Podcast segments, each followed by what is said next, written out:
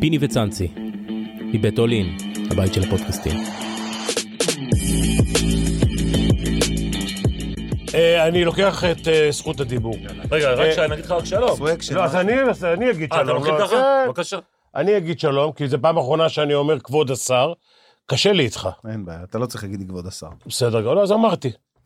יצאנו, איך אומרים, הטקס- יצאנו. הטקס הרשמי, כן. כפי שנדרש, פרוטוקול. לא, גם באת בלי נהג, באת בלי העוזר שלך, בלי זה, אז אנחנו הולכים ל... אנשים פשוטים אנחנו. בדיוק. מה שלומך? האמת, אה, חלק אה, ממני מאוד מאוד מרוצה ממה שקורה, חלק ממני מאוד מאוד מוטרד ממה שקורה. ממה אתה מרוצה? אני מרוצה קודם כל אה, מההישגים שאני עשיתי כהכנה לקראת אה, עונת המשחקים הבאה בתוך המשרד. יש תקציבים מאוד משמעותיים שבאמצעותם אני כן אוכל לעשות את השינוי שאני מאמין שצריך לעשות בעולם הספורט. אנחנו פה מדברים היום על ספורט, לא רק עולם, תר- עולם תרבות, גם יש לי שם תוכניות יפות, אבל בעולם הספורט יש לי המון המון תוכניות. אני מאוד מאוד מוטרד, אה, האם אני הולך להשקיע תקציבים ב...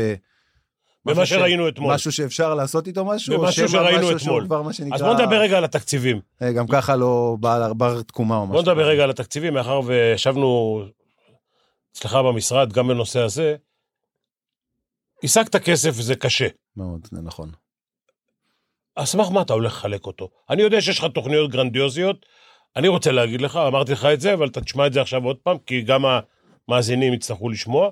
אתה רוצה לתת כסף לקבוצות, חלק מהקבוצות שיש להם כבר, לא, דווקא לאלה פחות. לזה- לא, דווקא אז לאלה הש- שאין להם השאלה אם יותר. אתה הולך לקבוע, אתה לא, אם היית לוקח, אני, אני מציע, כן, ועדה שתקבע קריטריונים מסוימים, גם לקבל את הכסף וגם לפתח את הספורט, מהמם. וגם להגדיל את מספר הספורטאים בכל ענף שאתה הולך לתמוך בו.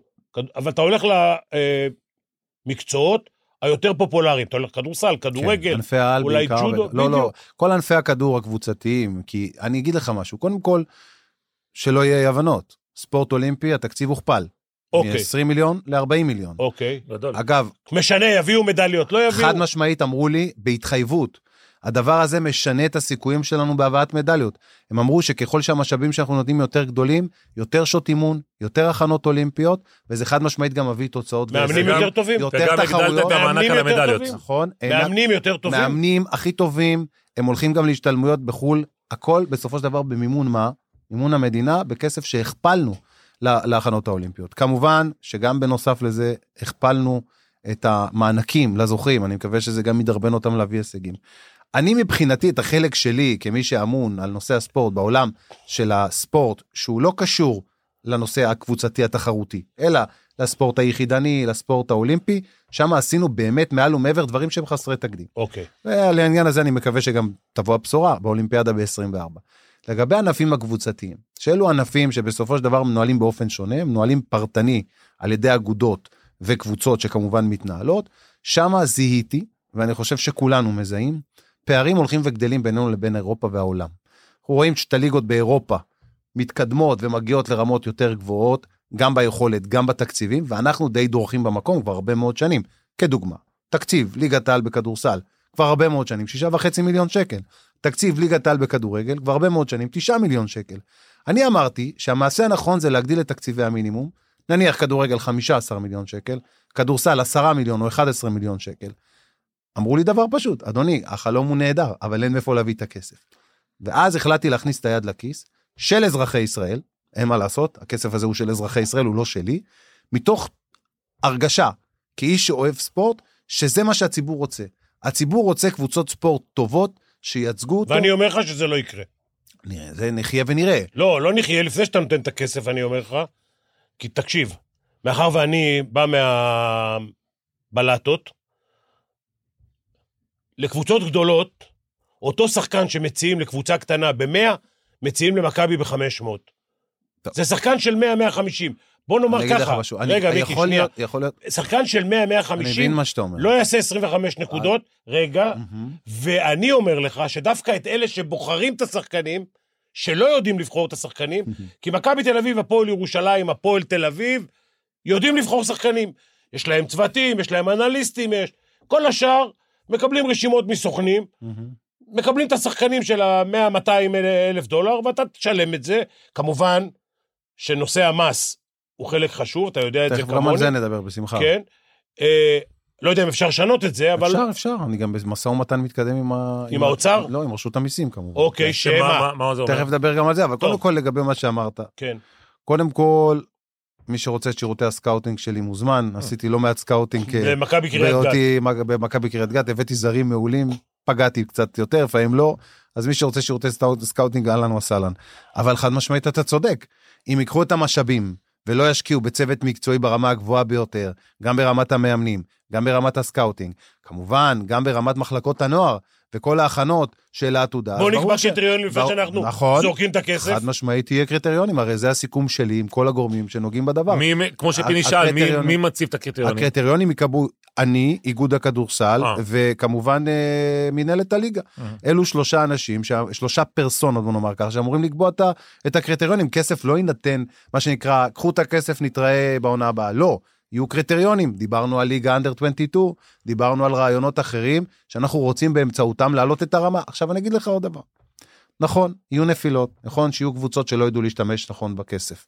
אבל לי אין ספק, מההיכרות שלי עם עולם הספורט, שאם יהיו בישראל בשנה הבאה, בכל קבוצה בליגת העל בכדורסל, או לחלופין בליגת העל בכדורגל, במקום חמישה או שישה זרים, ארבעה זרים, ב-400 אלף דולר לזר, ובכדורגל אותו כנ"ל, במקום שישה או שבעה זרים, חמישה זרים של 400-500 אלף דולר לזר, גם המטומטמים ביותר, שהם עיוורים דה פקטו בהבנת המשחק, יוכלו לאתר שחקנים טובים ברמות האלה. עכשיו אני אגיד לך גם למה.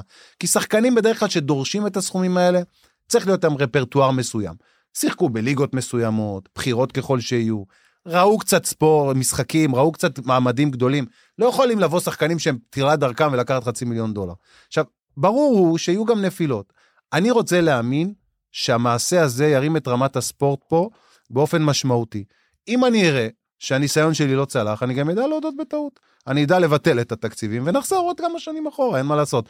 אבל בסוף זה לא רק עליי, שלא יהיו הבנות. אני מ- מנסה להגשים מדיניות, אני מנסה לפתח משהו, אבל אם לא יהיה שיתוף פעולה מצד אתה- כולם... אתה יודע כמה... לא בטוח שתהיה הצלחה. אתה יודע כמה כסף עלה הפרחי ספורט האלה שזה? כן, ואני לא עושה את פרחי כמה עלה הספורט. הפרחי ספורט? המון כסף. המון כסף. אין אתה ספק. יודע, לפני שזה התחיל, אני שאלתי, את מי שאלתם אם זה יעזור או לא יעזור? אז אמרו לי, יש שם איזה אחד מהם מורה להתעמלות, ואחד מורה לספורט, ואחד מורה לזה. אני אומר, חבר'ה, ביום- ב- בחודש הראשון אתם זורקים פר... כסף לפח, והכסף הזה נזרק לפח. אז אני אומר אני לך... חושב שבמקרה הזה אתה צודק, אני לא יודע אם במקרה שלנו עכשיו אתה צודק. לא, אני לא רוצה להיות צודק. אני מקווה שאנחנו... אני רוצה להאיר את עיניך לא, אין כדי- ספק, אני... כדי שזה ישפר חד משמעית. את מצב לא- הכ- הספורט, אם אם לא, זה אז- כדורגל, כדורסל. אגב, לא, זה גם כדוריד וגם כדורעף. כי גם אוקיי. שמה אנחנו מתכוונים, כמובן אנחנו מדברים, שלא תהיינה אי-הבנות, גם כדור- אה, ספורט גברים ונשים כאחד. אוקיי. גם למשל בליגת העל אה, בנשים בכדורסל. בשנה הבאה, אגב, הם החליטו החלטה שלדעתי היא לא רעה בכלל, הם צמצמו לשתי זרות ולבוסמנית. אוקיי. בתקציבים שיהיה לנו, אה, מבחינת מה שהולכים לתת להם, הרי הולכת להיות הכפלת תקציב שם, היה להם מהמם. 8 מיליון, יהיה להם 16 מיליון. כן. אני מניח שגם לא בטוח שכל המ- כל הקבוצות יישארו בליגה, כי תקציב המינימום שם יגדל באופן דרמטי. עכשיו, אני אומר, נניח שיהיו שמונה קבוצות שמקבלות 2 מיליון, ומגייסות בעצמם עוד מיליון, והתקציב מינימום הוא 3 מיליון, ואתה מחזיק שתי זרות ובוסמנית, זה אומר שכל אחת מהן מגיעה ב-100-120 אתה אלף יודע איפה דולר. הבעיה אבל? אז אם הם לא אין טוב... ישראליות. הרי לא, אני לא... יושבות היום על הספסל בליגה לאומית נשים, שיהיו בריאות ושיצליחו והכל בסדר. והן רוצות שוויון וזה בסדר. הם מושיבים היום על הספסל, שחקניות בנות 14, 15, 16 אולי, לא אתה יודע יודע. אבל מה השמועה הרווחת, פיני? השמועה הרווחת שהשחקניות הישראליות הטובות מעדיפות לשחק בליגה הלאומית. וכשאני שומע דבר כזה, למה? מאיזו סיבה? זה מה שאני שומע, אני שומע מכל הגורמים למה- המחליטים, שהשחקניות הישראליות היותר טובות דווקא מעדיפות לשחק בליגה קודם השנייה, כל בליגות ולא השנייה, בליגה אבל- הראשונה. קודם כל בליגות... זה- ה- זה הזוי בעיניי. קודם כל בליגות האלה גם, כן- גם, ב- גם בנים, גם גברים. ליגה ארצית היום, משלמים, יש תקציבים, כמעט כמו ליגה לאומית, ומה כולם יק- רוצים אז לעלות. אני מקווה שזה שאנחנו נותנים יותר כסף לליגת הנשים, שכל הבנות המוכשרות והטובות ישחקו בליגה הראשונה ולא בליגה השנייה, לצד מיקי, זרות יותר מי איכותיות. שאין לה מחלקת נוער, אין ספק, עם 300-400 בנות, אין מחלוקת. לא צריכה לקבל שקל. מחלקת נוער זה הדבר הכי, הכי קריטי להצלחת כל עולם הספורט, גברים, נשים כאחד. מי שלא אתה מטפח צריך נוער, להכפיל- לא מטפח נוער, אתה אין לו צריך עתיד. להכפיל את מספר המשתתפים בענפי הספורט. כדורגל, כדורסל, מספר אתה נותן הפעילים. כדוריד, כדוריד, אין לי שום בעיה. אבל צריך להכפיל את ה... את הבסיס. הנה למשל אה, עוד דבר שיש במשרד התרבות והספורט, שזה גם הגיע עכשיו, אני כמובן, הנחיה חדשה שלי, גם מתוך ההיכרות שלי, יהיה מענק לכל אגודה, פר אגודה, כן? שתגדיל את מספר הספורטאים יפה. שלה ביחס לשנה הקודמת.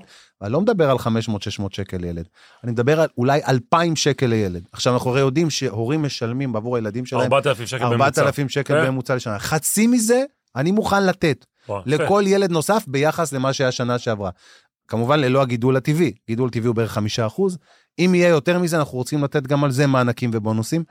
אני עושה את הכל, אבל צריך לזכור, ללא שיתוף פעולה של הציבור, ללא שיתוף פעולה של האנשים שמנהלים את, האירוע, את, את כל נושא הספורט בישראל, ההצלחה לא בהכרח יכולה קודם להגיע, כל אבל אני אתה- מקווה שנשיג את זה. קודם כל, אתה יודע שזה אפשרי. כן? הרי את אה, סל, נגב סל, שהתחיל עם 500 ילדים, ואמרו לנו להכפיל, אמרו לאיגוד הכדורסל, תכפילו את מספר הילדים, תוך שנתיים וחצי נהיו 4,000. זה אומר פי שמונה. אז יש ילדים שלא משחקים כדורגל, כדורסל או איזשהו ענף, ואנחנו יכולים להביא אותם. חד משמעית, אפשר להביא אותם, הילדים פשוט מחכים, אני אומר לך, מחכים שיהיה מי שיביא אותם. עכשיו תראו, איך זה קורה? אני יודע, אני פשוט מכיר את זה, אני בעצמי, כאיש צעיר שפותח קבוצת כדורסל, הלך וגייס ילדים בבתי ספר בגיל נכון. 24. נכנסתי לבתי ספר וניסיתי לגייס ילדים. זה גם אני עשיתי. מי שזה משתלם לו, הוא יעשה את זה. הוא יגיע לבתי הספר. עכשיו, אם אני מנהל קבוצה ואני אומר, וואלה, אם אני מביא עכשיו עוד 20 ילדים, יש לי עוד 40 אלף שקל בעונה. אני אכנס כיתה-כיתה ואני אשכנע את הילדים לבוא לחוג שלי. כן, אתה נותן להם עכשיו, אלו, אמביציה. אלו דברים שבסופו של דבר אני מקווה שיעשו את השינוי. ה, בוא נגיד, ההיכרות שלי עם עולם הספורט, ההיכרות שלי עם ניהול ספורט, אני בטוח שהיא תורמת לי לגבי לפחות האסטרטגיה, ולכוון למקומות הנכונים. נפגע או לא נפגע? ימים יגידו. תגיד, אבל- תשמע רגע, רק שנייה אחת, תשמע רגע, אנחנו בסוף, כשאנחנו מגיעים כבר לנבחרות, ולוקחים את השחקנים המובחרים, אז אתה יודע מה ההבדל בינינו לבין אירופה להצלחה. אני חושב שגם בכדורגל יש... זה אותה האם בעיה. נאזרח את קרינגטון או לא, לא? לא, זה- זה- זה אני... זה אגב, תלוי- זה גם בושה. זה- למה בושה? בושה, תתבייש. בושה. תתבייש. כן, למה? למה צריך ל- ל- ל- למה? לעזר כי לקרן כל אותו? המדינות באירופה, תוך רבע שעה... אבל הבן לא, אדם בלי- כולה שנה בלי פה. להכיר, בלי למה להכיר לא את את, זה. אה, למה לא את ג'קובון בראון? מה? למה לא את בראון? בואנה, עשיתי זה פה מה ש- בלאגן, אה, זה באולפן. מה שמתאים ל- למאמן. טוב, קודם אה, כל, כל למען קבוצה- הסר ספק, אה, חתמתי על אה, הבקשה ואני העברתי אותה למשרד הפנים. זאת בהצלחה, אומרת, אתה רואה? משרד הפנים... תיזהר עכשיו. לא, אתה לא. רואה, תיזהר. לא, אני אומר את זה מראש, כן? לא, ש- בסדר. הבקשה אפילו, אני אוטומט, מה שרוצים אני הולך, לא, לא, סתם, אני צוחק. אבל כמובן שהדבר כפוף אישור משרד הפנים. עכשיו תראה, אה, נו, זה יעבור לך, נו. אני, נראה, אבל אני רק אומר שמבחינת אה, הכדורסל היום, באמת, צריך להגיד את האמת כפי שהיא. זה ענף הייצוג מספר אחת של אה, של המדינה. לא, רגע, רגע, לא להגזים, כדורגל, לא לזלזל אה, אה, בכדורגל, לא לזלזל באירופה- בכדורגל. אנחנו 25 אה, שנה נמצאים בגמר אליפות אירופה. מה שלא כל תעשה, השנים. אבל בפופולריות לא תגיע אה, לשם. מה? לכדורגל, כן. בפופולריות. איפה לא תגיע. הפופולריות? זה לא אותו הדבר, פופולריות. אבל מזרח בסדר, התיכון. רגע, חברים, מה בישראל. שאני בא ואומר, זה שאני כן רוצה, אני באמת מאמין בתזה, שהצלחות מקדמות ענף. אני מאמין בתזה הזאת. חלון לא. ראווה. ולמה אמרתי שאני רוצה לתת כסף לקבוצות בוגרות, ואני נותן גם למחלקות נוער, אבל למה, למה גם לקבוצות בוגרות? כי כשילד יושב בבית ורואה את הקבוצה העירונית שלו, עושה איזשהו הישג או זה איזושהי נכון. הצלחה, הוא אומר, אני רוצה להיות כמוהם, אני אלך נכון, להתאמן. זה חלון הראווה. וזה אחד מהסיבות לא למה אתה שאני לא חושב עוזר עם שצריך אוסקר גלוך, להצליח. למשל, אוסקר גלוך שלא רוצים לשחרר אותו ל- למונדיאליטו? אתה כזה תמיד אומר קודם ש... כל בוא נאמר כך, אם אוסקר לוך לא ישוחרר למונדליטו, אנחנו מבחינתנו לא יכולים לשבת על זה, מה שנקרא לשבת ולשתוק, אנחנו חייבים להיאבק שהוא יהיה. נכון, עכשיו, הס- הסיפור הוא מאוד פשוט, יש כאן גם חוקים ותקנות, אני מניח נכון, אין חלון בינלאומי. של- של- ו- של, אה, של אה, פיפ"א וופ"א. נכון. בנושא הזה, זו משימה חד משמעית של ההתאחדות לכדורגל. הם צריכים לעשות את כל אבל מה אתה שרק ניתן. בן אדם שתמיד רוצה, כמו שפיני אמר, להביא להיות אותו. בחלון הראווה. יש לך מונדיאליטו, זה משהו אותו כנ"ל אני היסטורי. אגיד לך גם על הקבוצה הבוגרת שלנו, למה שחקנים מעולים כמו אה, זהבי ואצילי ודיה סבא ועוד כמה שחקנים טובים לא משחקים בנבחרת? למה? שאלה מצוינת, ואני שואל את עצמי, רגע, אוקיי, נכון, חדר, יש, שמדר. יש כל מיני עניינים, אצילי סיפור של, לא יודע, כל מה שטוענים כלפיו, ס- אה, אה, לכאורה. אה, אה, זהבי, אה, חדר לא חדר, דיה סבא, אני אפילו לא יודע מה הסיבה, אבל מה השורה התחתונה? שורה שאנחנו תחתונה מפסידים. נכון. שאנחנו לא מכניסים גולים ב- ב- ב- במשחקים. כי למה? כי השחקנים שכובשים הכי הרבה בליגה, לא משחקים אז בנבחרת. אתה כשר ספורט, אומנם בעיניי, אסור לך להתערב לא בנושא. חכם, ברור שאני יכול להתערב, אני יכול אבל להגיד את אתה דעתי. יכול להגיד את דעתך. מותר לי, אז אני אתה- אומר אותה. אז כל טעות החבר'ה- חמורה. כל החבר'ה לא היו אצלך בנבחרת, אם היה תלוי בך. אני תמיד, דרך אגב, ידעתי להסתדר עם שחקנים, לטוב ולרע, וגם כ- כשמי שניהל קבוצות, דווקא את הפרובלמטים הייתי אוהב, הם בדרך כלל יותר מוכשרים וגם מביאים את הדברים המיוחדים, אם אתה יודע לטפל בהם. אגב, פיני גם היה מוכשר בזה. הוא היה יודע, הוא היה יודע לחנך את הפרובלמטים. אני אתה מדבר רוצה- רגע רק לגבי, שנייה פיני, סליחה, אה, אה, הטעות אתה אומר על אצילי, אה, למשל אצילי כזה, זה לא טעות חמורה שהוא מחוץ לנבחרת? תראה, אנחנו יודעים את הסיפור אה, שיש אבל מה זה מסביב. אה, הסיפור? הוא אה, הוא בסופו של דבר, יש, תראה, הפרקליטות קבעה הנקודה היא אחת. מחוסר אשמה. הנקודה היא אחת, תראה. אני לא אבוא ואצדיק את המעשים של אצילי. אני חושב שהמעשים שהוא עשה, כולם ברור להם שהם לא מעשים טובים. נכון, לא היה צריך לעשות את מה שהוא חד עשה. משמעית. אדם עשה טעות, התחרט עליה, התנצל עליה, הביע חרטה כפי שצריך להביע חרטה, צריך לסלוח. אני מאמין בזה. אני מאמין שאפשר לסלוח, ואני לא, אה, מה שנקרא, חוסך ממנו את הביקורת על המעשים.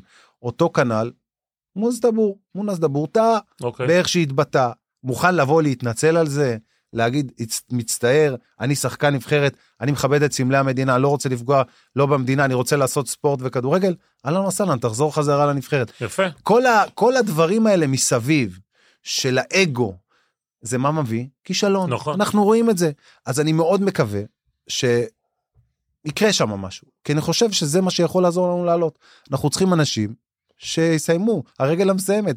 אנחנו רואים שהם כובשים כל כך הרבה שערים בליגה, אבל בנבחרת... מיקי, אבל הם אתה לא יכול יכולים להתקשר לסדר. ליוסי בניון ולהגיד לו דבר כזה? לא. עזוב, אני יודע ש... לא, עזוב, אני לא אעשה את אבל זה לפרוטוקול... גם. אני אני גם יודע לא שלפרוט- עושה את זה. לא תעשה, לא עשית את לא הדבר הזה? אעשה את הוא זה, אני אמר גם את לא זה פה, אעשה אז את זה. זה כאילו שהוא אומר... אני לי, לא "יוסי". יכול לעשות את זה, אני גם לא רוצה לעשות את זה, זה לא נכון גם לעשות את זה. אני אוהד נבחרת ישראל, ברור לי. בדיוק כמו כולם. כולנו. אני רוצה בהצלחת הנבחרת בדיוק כמו כולם. זה שאני נותן את התקציבים אה, אה, ל- ל- לעולם הכדורגל, זה לא אומר שאני צריך לקבוע עכשיו מה שנקרא אה, שחקנים, אבל מדיניות בטח, כמו שאמרתי. למשל, אני הולך לתת כסף לכדורסל או לכדורגל, אני אקבע מדיניות. הפחתת זרים בכדורסל, דיברנו על זה, בשביל לקבל את התקציב. כמו שאמרתי לכם, קבוצות גדולות שירצו לשחק עם יותר מארבעה זרים לא יקבלו את התקציב. הם לא יקבלו אגורה, אבל מי שכן ישחק עם ארבעה זרים, כן יקבל תקציב.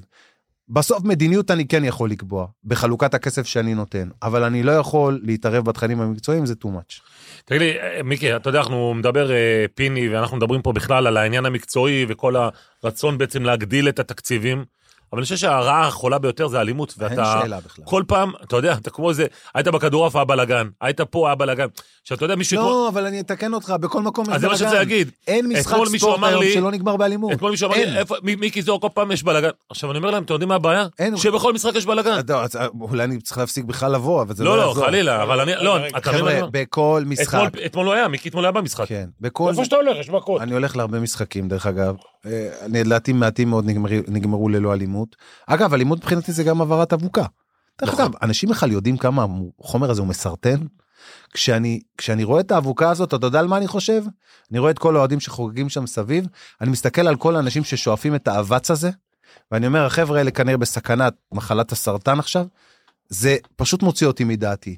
אני שולח את הילד שלי ל- ל- ל- ל- ל- ל- למגרש כדורגל, אני רוצה שהוא יראה משחק וייהנה. אני צריך שהילד שלי יהיה חולה בסרטן בגלל שאיזה מישהו רוצה להעביר איזה אש מיוחדת כזה.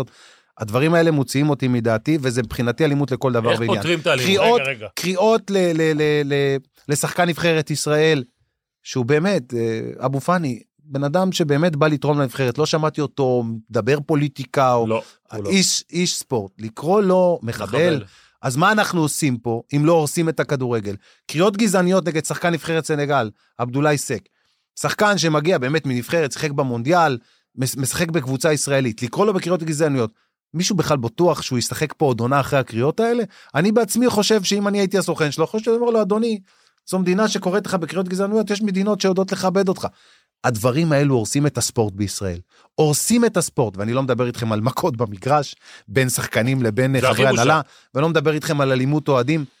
וזו הסיבה שאני מאוד מוטרד לגבי עתיד הספורט בישראל. זה- האירועים האלה הורסים מיקי, זה אנחנו- כל מיקי, חלקה זה טובה. אנחנו יודעים. איך בוא פותרים? בוא נחפש, בוא נחפש רגע זה. תקשיב. יש, האוהדים- יש פתרונות, רגע, בהחלט רגע, שיש. תקשיב. האוהדים מגיעים למגרש מתודלקים, נכון, רובם. נכון, הם באים לעשות בלאגן, לא לראות משחק, הרבה, אה. לא- לא כולם, אבל לא יש- כולם. יש לא קומץ כולם. שיודע שיום משחק עכשיו, הוא יום רגע, בלאגן. עכשיו, אי יום אפשר מלחמה, להעניש... זה לא אי יום אפשר- משחק. אי אפשר להעניש את האגודות, סתם אני אומר לך, תוריד שני שערים, תוריד שלושה שערים. לא, לא, אגודות בסוף לא אתה נותן יכולות. את הכסף. לא אז צריכות רגע, להיות האשמות. אז אתה צריך היום, אתה הולך לתת שלושה מיליון שקל, לא יודע כמה, לכל קבוצה, אתה צריך להגיד, רבותיי, מתוך זה, מיליון שקל, מלחמה באלימות. אתם מקבלים את הכסף הזה לשמירה, לא ייכנסו שיכורים למגרש, לא ייכנסו אבוקות למגרש. תכף לא. אני, אני אכסה... מי שיקלל, מי שיקלל, אנחנו לא נסגור שער, אנחנו נוריד כסף, אתם תקבלו שלושה לא, זה מיליון אותו שקל. דבר, זה, זה עדיין ענישה קולקטיבית, פיני, אני לא מאמין בענישה לא, קולקטיבית. אתה, אתה, אתה כסף שלך עכשיו. לא, זה ענישה אתה- קולקטיבית, אתה עדיין. נותן, רגע, יש מיקי. דרך אחרת. אתה נותן שלושה מיליון שקל? כן, כן, אני מבין ועשרה מה שאתה אומר, תשלומים. מבין מה שאתה אומר. התשלום ה... באותו חודש שהייתה הייתה בו אלימות, זה לא יטריד את לא ה- תקבלו, לא תקבלו, זה ילך לקבוצה אחרת. פיני, זה לא מה שיגרום לאותם לאוהדים, לאוהדים זה לא אוהדים, יגרום. תזכור, אוהדים... הם באים ש- לעשות את כל זה. מדובר אלה בחבר'ה, לא אוהדים אבל. החבר'ה האלה, בדיוק כמו שהגדרת, הם לא אוהדים. הם באים לעשות בלאגן, הקבוצה זה כנראה הדבר האחרון שמעניין אותם. וצריך להגיד את הדבר הזה בלי להתבייש ובלי לפחד, ולא משנה איזה ארגון אוהד- אוהדים עומד מולך, ואני מכיר את כל ארגוני האוהדים. מי שבא לעשות בלאגן במגרש, לקלל ולפרוק איזה שהם אגרסיות, אז אני אומר לכם שכנראה מדובר באנשים שלא אכפת להם מהקבוצה. עכשיו, הרבה אנשים צועקים במגרש כדורגל. אתה יודע, כועסים על השופט, כועסים על השחקן, וזה בסדר.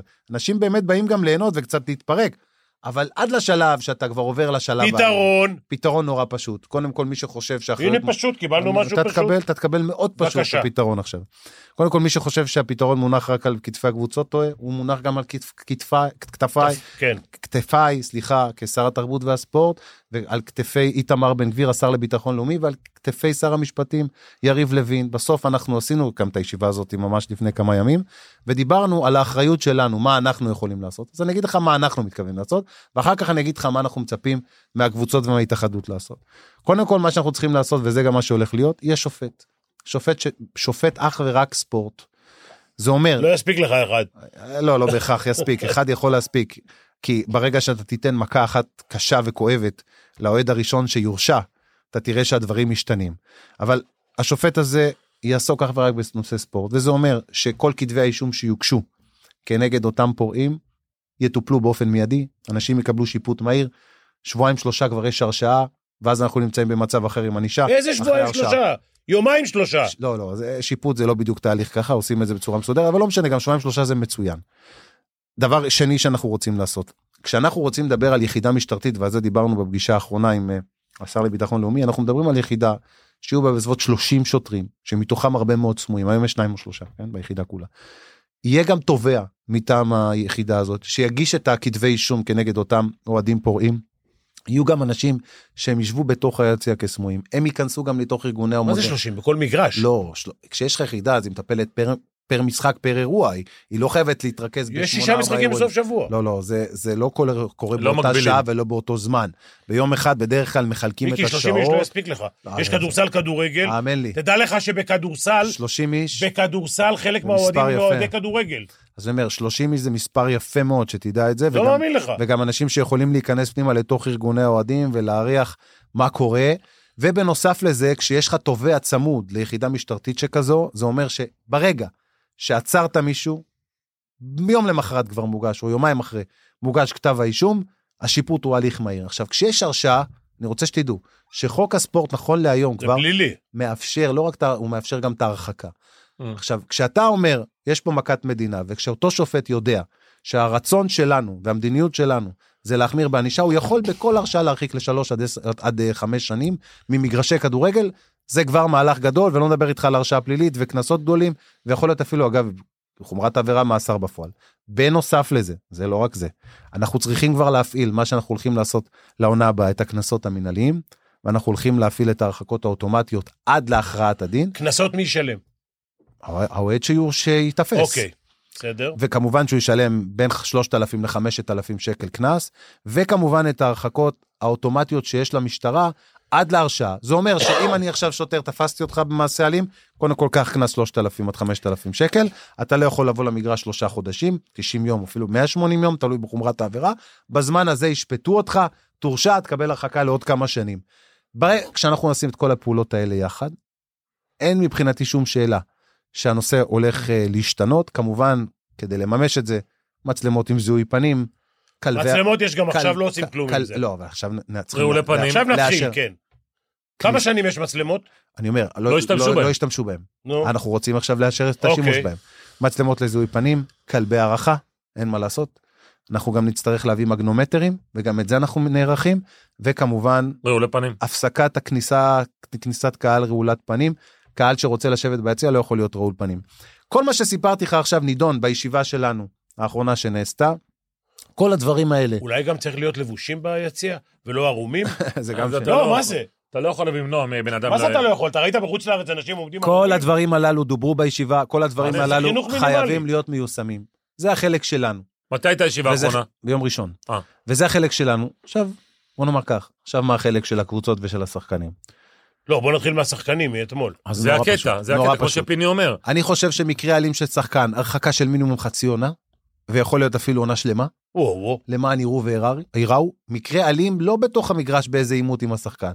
אחרי כמו אתמול. המשחק, אה, ב- בסיטואציה כזאת שזה כבר אווירה רגועה, לא בהיי טמפו, אנחנו יודעים מה זה ספורט. כן, יש אנרגיות, יש אמוציות, היי טמפו, דחיפות, לא מדבר על זה חלילה, כן? שלא תהיינה יש אי הבנות. אוקיי. נגמר המשחק, הולכים לחדר הלבשה, הכל רגוע, מישהו בוחר להיות אלים, לא צריך להיות יותר במגרש כדורגל להיות עד סוף העונה, אם לא יותר מזה. זה קודם כל דבר שהקבוצות וגם ה- ה- ההתאחדות צריכים לקבוע בתקנון. זאת אומרת, זה צריך להיות תקנון. ברגע שזה תקנון, אין מקום אפילו למחלוקת. לא יתחילו את זה. לא יתחילו את זה. הוא הנה, רגע, יודע, הרבצתי, אני בחוץ. זה קודם כל מהלך מתבקש, וזה התאחדות לכדורגל יודעת לעשות, היא יודעת לה- לה- להעביר תקנונים. זה דבר אחד. דבר שני, לגבי כל מה שקשור להתנהלות מול ארגוני אוהדים. אנחנו יודעים שהקבוצות מאוד אוהבות לטפח את ארגון האוהדים שלהם, וזה דבר מבורך בעיניי. משתעבדות אליהן, לא, כן, אחי. זה דבר מבורך בעיניי, אבל חייב להיות מקל וגזר. חייב להיות מקל וגזר. זה אומר שיש מטרה מאוד ברורה לקבוצות להעניק תקציבים לארגוני אוהדים. וזה בסדר גמור שהם מעניקים להם תקציבים כדי שיהיה גם יכולת עידוד יותר גבוהה, אבל צריך להיות ברור שבמעשה אלים שקורה מתוך הארגון אוהדים הזה, עד סוף העונה אין תקציב לארגון האוהדים. אפילו לא אגורה אחת שחוקה. ברגע שגם הדבר הזה יקרה, אין ספק שזה גם יתרום את החלק שלהם. אני נגד עונשים קולקטיביים, ואני לא רוצה שיהיו עונשים קולקטיביים. ואם אנחנו נעשה את כל מה שאני אמרתי עכשיו, לא נצטרך עונשים קולקטיביים. אבל קח אותנו אני למקרה מקווה של שזה אתמול מה שיהיה. למשל, תובע התאחדות לכדורגל, אומר בוא נוריד שלוש נקודות למכבי חיפה, להפועל באר שבע. לגיטימי מבחינתך? תראה, נורא קשה לי עם הורדת נקודות בעת כזו של העונה, כי זה באמת יכול להכריע זהות של אלופה. אבל, אם תתקבל החלטה כזאת, א', אני לא ארים גבה, וב', אני חושב שגם באווירה הציבורית שיש היום, אף אחד גם לא יחשוב שזה מופרך. נכון. אז אני לא יודע מה יחליט תובע ההתאחדות, אני לא יודע מה העונשים שיהיו. קודם כל הייתה התחלה טובה כבר של המינהלת בקנסות כן. של 250 אלף שקל. אגב, באמת כואב לי על אלונה ועל ינקלה, שבאים ונותנים את הנשמה, כן. הם מגנים הרי תהליכים כאלה, הם אנשים מאוד מנומסים עם, עם, ד- עם אבל דרך לכן ארץ. אמרתי שאם אתה אבל הם נותן עכשיו, תקציבים, הם עכשיו כאילו משלמים 250 אלף שקל על כמה, סליחה על הביטוי, חסרי אחריות. כן. אין- אה, אבל אם אין אתה לזה נותן הגדרה. את אז לי זה התקציבים- כואב, אבל יכול להיות שאין מה אולי לעשות. צריך לרד- להוריד את זה מהתקציבים לא, שאתה זה- נותן. לא, שיורידו את זה מאלה שעשו את הפעולות. נכון. יש להם שהשחקנים משכורות. ישלמו, יש להם, ברור. שהשחקנים שעשו את הפעולות מסכים האלה, איתך. האלימות, ישלמו את הקנסות האלה או ייסעו בהם. אגב, זה גם מצדיק תביעה. אם אתה שואל אותי, האירוע הזה גם מצדיק תביעה מצד הנפגעים. אם זה עכשיו מכבי חיפה, הפועל באר שבע, שילמו 250 אלף שקל, יש להם עילה משפטית לתבוע את מי שגרם את הנזק, את זה שהיה אלים. ובנוסף לזה, אה, דיברנו על זה גם היום, אני חושב שהסיפור הזה, מאחר והוא קרה אחרי המשחק, כן צריך לקבל התייחסות גם פלילית. ברמה הפלילית. אה, צריך לזכור, אחרי משחק, אירוע מן הסוג הזה, הוא לא, אין לו הגדרה אחרת מלבד הגדרה פלילית. אין בעיה, דם חם במהלך משחק, דוחפים, אפילו, אז אתה יודע מה, אני אתן לך אפילו דוגמה יותר אה, אה, אה, קיצונית, הסיפור של היורוליג. כן. זה קרה במהלך משחק. אה, קצת רשטו, קצת זה, הגיעו למצב שמרימים ידיים. זה לא אירוע פלילי, אין מה לעשות. אבל לא, בוא'נה, אם תקשיב, המשחק מה נגמר... שההוא עשה לו, רגע, היפון- אבוסטלה אבוסטלה. זה- האיפון שיבוסלו וואו, דפק לו, זה זה תביעה תשמע, והוא אזרחית. קיבל רק חמישה משחקים, זה תביעה- כלום. זה תביעה הוא אזרחית. פצע אותו גם, הוא כן, פצע למרות שהוא אותו. בסדר, הוא משחק בסוף אקסום. מה? אקסום משחק. אה, כן, הוא משחק. לא, האמת היא ש... בוא נראה, אולי הוא משחק עם קביים רגע, היום. אבל עכשיו מדברים על דברים, בוא נדבר קצת על כדורסל, פרטיזן טוב, בלגרד. דבר, יאללה, תכף סטסטה. נגיע לזה. אבל אה, אני אומר חד משמעית שדברים מן הסוג הזה צריך- שקורים אחרי המשחק צריכים גם לקבל את אבל מה האספקט נגיד, מה אתה יכול הפלילי. לעשות אתה בהצהרה שלך כשר התרבות והספורט? אמר למשל היום אמנון סטרשוב, אחד מהדיינים, צריך להפסיק את הליגה לשבוע. להפסיק את הליגה. כן, אני חושב שזו אמירה. אז למה- למה נגיד שיש אתה לה לא עושה ערך דבר חשוב. כזה?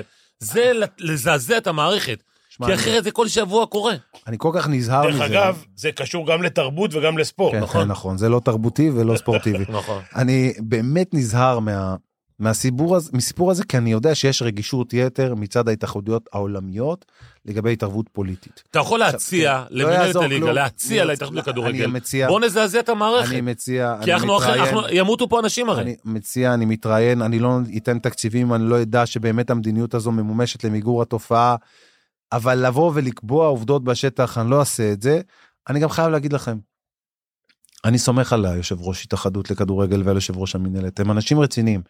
אה, מי שחושב שלא טועה, אני עם אנשים רציניים ואנשים טובים, כנ"ל גם באיגוד הכדורסל, יש עם מי לעבוד, יש עם מי לדבר, זה לא צריך להיות בדרך של הנחיות וכפייה, זה צריך להיות בדרך של רצון משותף להצלחת הענפים.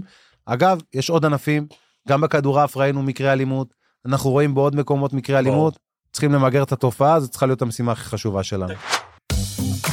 ארז טל משוחח עם יושב ראש אלקטרה נדל"ן גיל רושינק על השקעות אלטרנטיביות וקבלת החלטות. תגיד, כל אחד יכול? יש סף כניסה? אז, יש אה, מחיר מינימום? אז קודם כל, ה- הרגולציה במדינת ישראל, וגם פה דרך אגב, היא רגולציה פר מדינה. מדינת ישראל קבעה, הרשות לניירות ערך קבעה, שאם אני מציע לך השקעה, שהיא נייר ערך או משהו דומה לו, נגיד אם אתה עכשיו מח- נכנס לקרן של אלקטרה, אתה מקבל סוג של נייר ערך בקרן, בש- באותה שותפות. ולכן הצעה לציבור לא יכולה להיעשות לכל אחד, היא יכולה להיעשות רק למי שמוגדר על פי חוק משקיע כשיר, אלקטרה נדל"ן, הפודקאסט. פרק ראשון. הלינק, ממש כאן, בתיאור הפרק. אמרת בוא נדבר כדורסל. אוקיי, תגיד, אוקיי.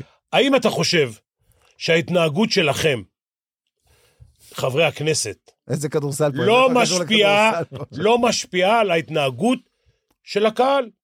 התרבות, אני לא, שאלה לא רוצה להגיד גדולה. לך מה שהיה אתמול, אבל זה כל הזמן, ההתלהמות של חלק מהשרים והחברי כנסת מביאה את זה לרחוב. בוא נאמר כך, בצורה הכי ברורה. המצב בישראל כולו, כולה, זאת אומרת, מ- על כל רבדיה, כן. ימין, שמאל, מרכז כאחד, שלא מישהו יחשוב שהאלימות או הפרובוקטיביות שייכת למחנה אחד, שלא לא, תהיינה לא, לא, לא. הבנות. זה מה שייך לכל המחנות. אנחנו הולכים אחורה.